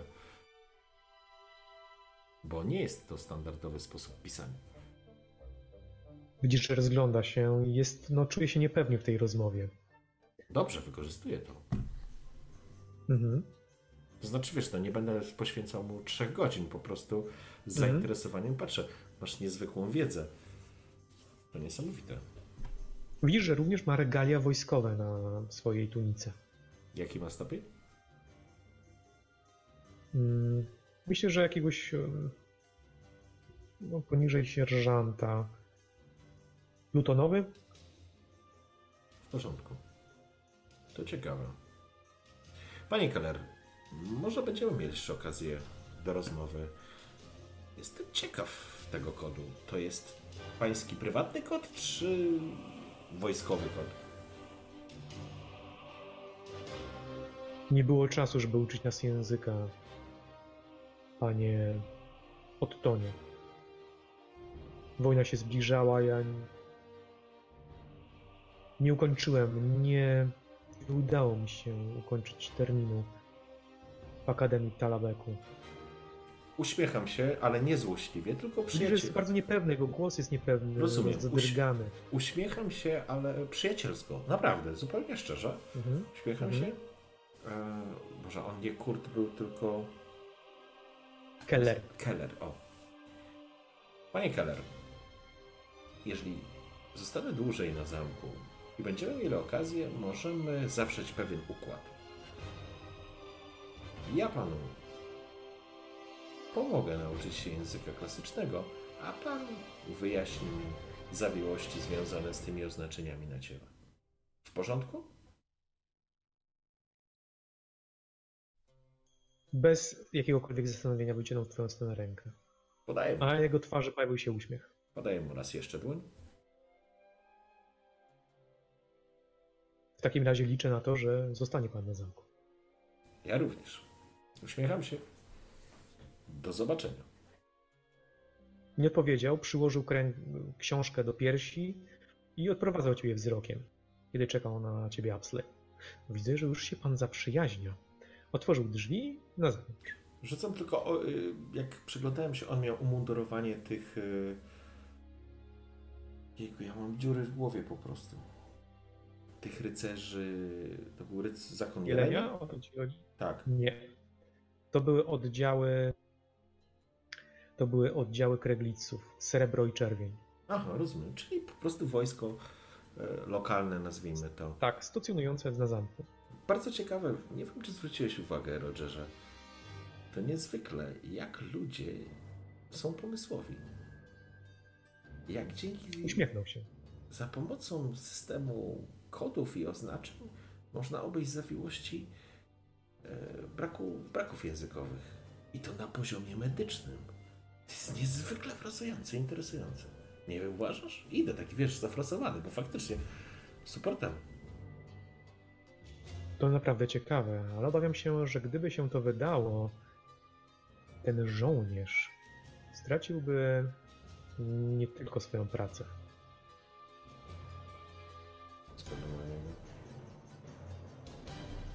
No cóż, obnażył pan jego braki. To um... Nie przyszło mi do głowy, że ten, jak mój tam Rogerze, umówmy się, że nigdy nie było tej rozmowy i zostaje to między nami. W porządku? Oczywiście. Myślę, że Wszystko, to co pani czemu słyszę, zostaje między nami. ewentualnie pojawi się w twojej opowieści, prawda? Uśmiecham się. W samej rzeczy. Nie, nie, na pewno uratował nie jedno życie ten chłopiec. To nie był chłopiec, ten mężczyzna, sam. Nie należy mu się kara.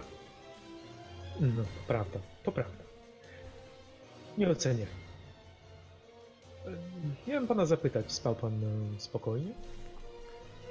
Tak, spałem. Co prawda miałem pewien kłopot z odnalezieniem się w topografii zamku, ale sobie poradziłem.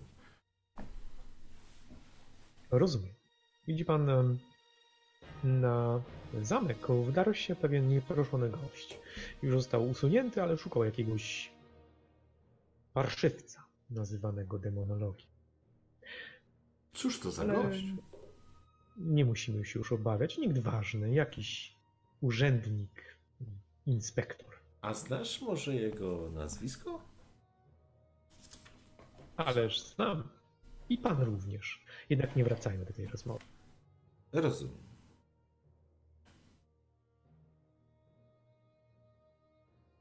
Dochodzimy właśnie do gardła północnego. Stąd prosta droga do baszty. Widzisz kamienne schody wiodące w górę między murami okalającymi najwyższy fragment struktury zamkowej. Drewniane, kryte mostki przerzucone nad murami z łatwością mogą razić ogniem nacierającego wroga. Wgłębienia w murze oddalone od siebie o zaledwie kilka metrów, zdradzają sakralne znaczenie zwierzęce kości, czaszki i rogi przysypane teraz śniegiem. Po prawej stronie widzisz fragment dwóch bliźniaczych wieżyc skierowanych oknami w waszą stronę.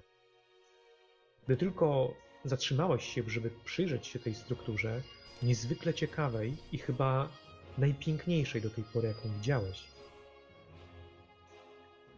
Roger Upsley zatrzymał się. Ach tak, zapomniałbym. To zamek wysoki, noszący nazwę Cytadeli Dragomasa.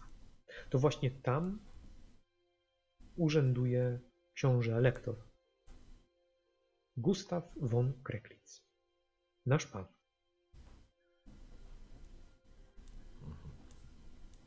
Jego następcą, następcą w linii prostej jest Lord Patrick? Tak. Widzi panicz. Książę nie posiada dzieci. Owszem, em, jego żona i on starali się o nie, ale po jej śmierci Gustaw, książę elektor, nie zechciał wybrać następnej damy. To też młodszy od niego książę Patryk jest dziedzicem rodu, choć e, kilkukrotnie zrzekł się tego tytułu, cytując, że prędzej zeżre własną życie. No tak. e, Lord Patrick jest e, bardzo jednoznaczny. E, Paweł, jedno pytanie, bo ja sobie to zanotuję, żeby ci nie zadawać wciąż tego samego. Przypomnij mi jeszcze raz, to jest ten mówca czarownic to był Kurt, a nazwisko? Nantek, Nantek. Nantek. Jak korporacja w cyberpunku, kurczę. A ten, a mm, Keller. Keller. Keller, plutonowy. Już starej daty jestem, muszę sobie notować. Plutonowy, okej, dobra. Ruszamy dalej. Tak, idziecie wzdłuż oczywiście tej, tego gardła północnego. Tak jak powiedziałem, przyglądasz się tym wgłębieniom, które są na pewno sakralne, chociaż ich znaczenia nie rozpoznajesz. Może to była forma przestrachu, żeby wspinający się e, po tych stopniach ludzie odczuwali lęk, albo rycerze idący po tych stopniach jakiś związek e, najwyższej władzy z bóstwami. Ciężko powiedzieć.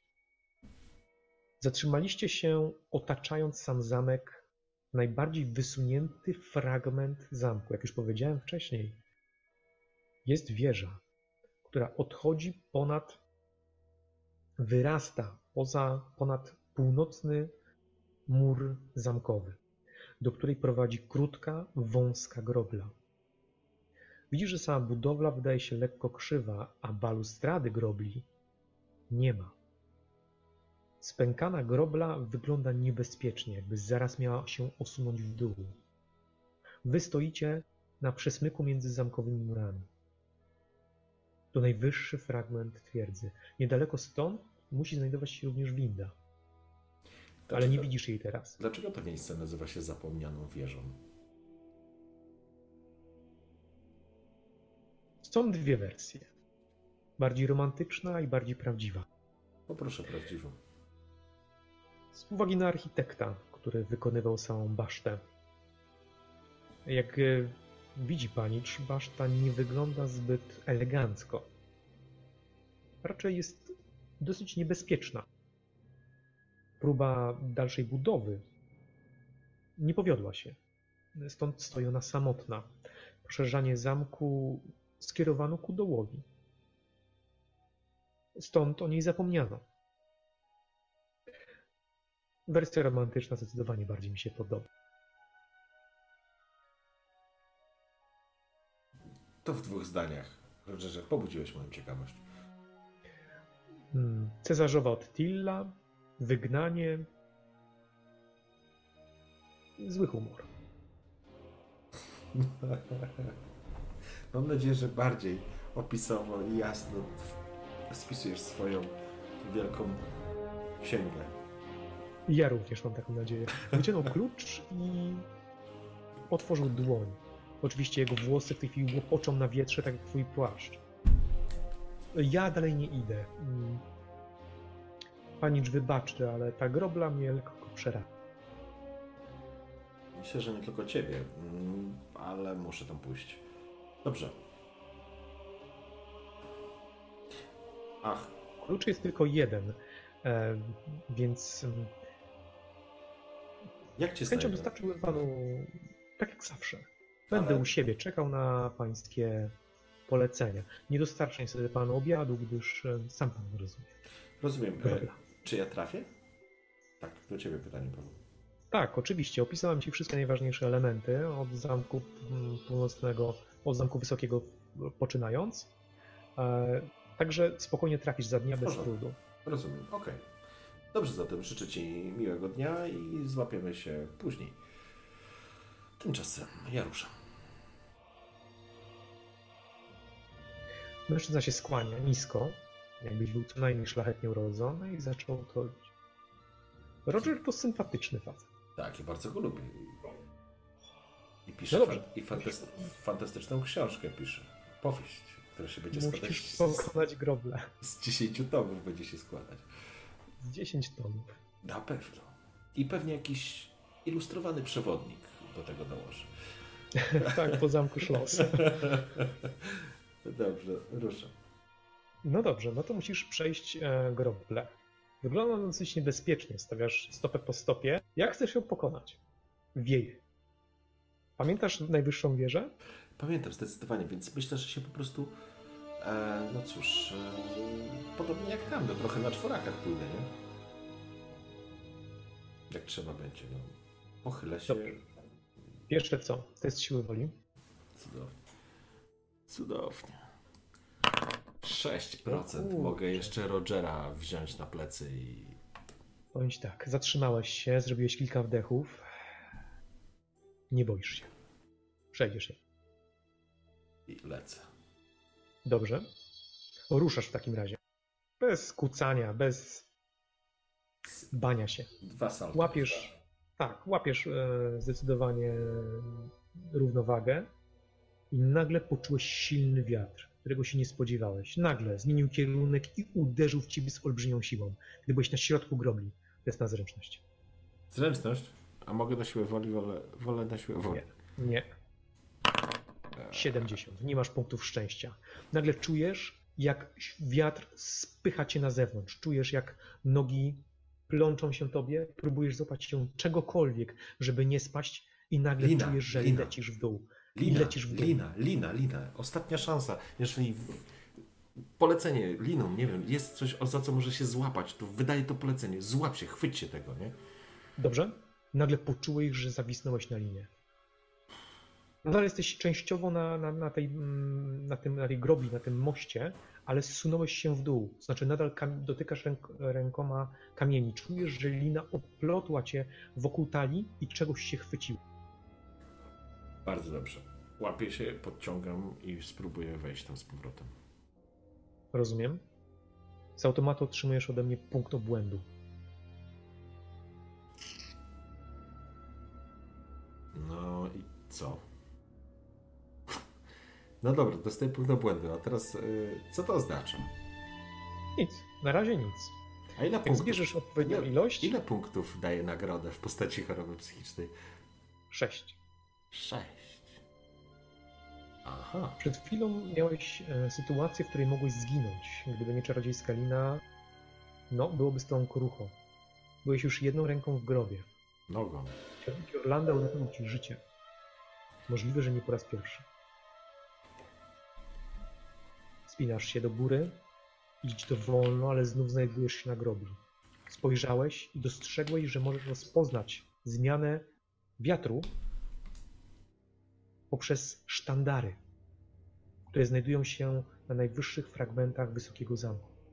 Widzisz nagle, jak znów kierunek wiatru się zmienia poprzez sztandar, który zaczyna opada i nagle wzbija się w jedno z miejsc. I w tym momencie wiesz, że nastąpi uderzenie. Za kilka sekund. Pochylam się teraz i ustawiam się w kierunku, z którego będzie wiatr dół, żeby, Rozumiem? żeby po prostu przyjąć impet. przywiązany. Tak, Nadal tak. lina trzyma kurczowo się jakiegoś fragmentu. Nie, nie, no, chcę wejść z powrotem na, na, na ten chodnik, nie? Wspiąłeś się, jak już powiedziałem. Okej.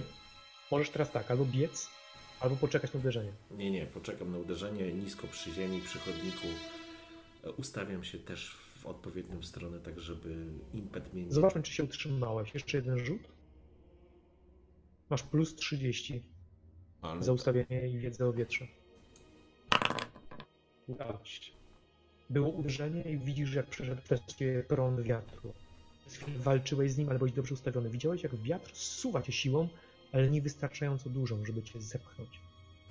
Lina odwiązała się natychmiastowo. Ruszam teraz. Wykorzystuję ten Rzucasz moment. się pędem w stronę drzwi i dopadasz do nich. Tutaj No. jesteś bezpieczny. Przy samej baszcie jesteś bezpieczny, jest tutaj wnęka. Tak. Zatem otwieram drzwi korzystając z klucza i wchodzę. Dobrze.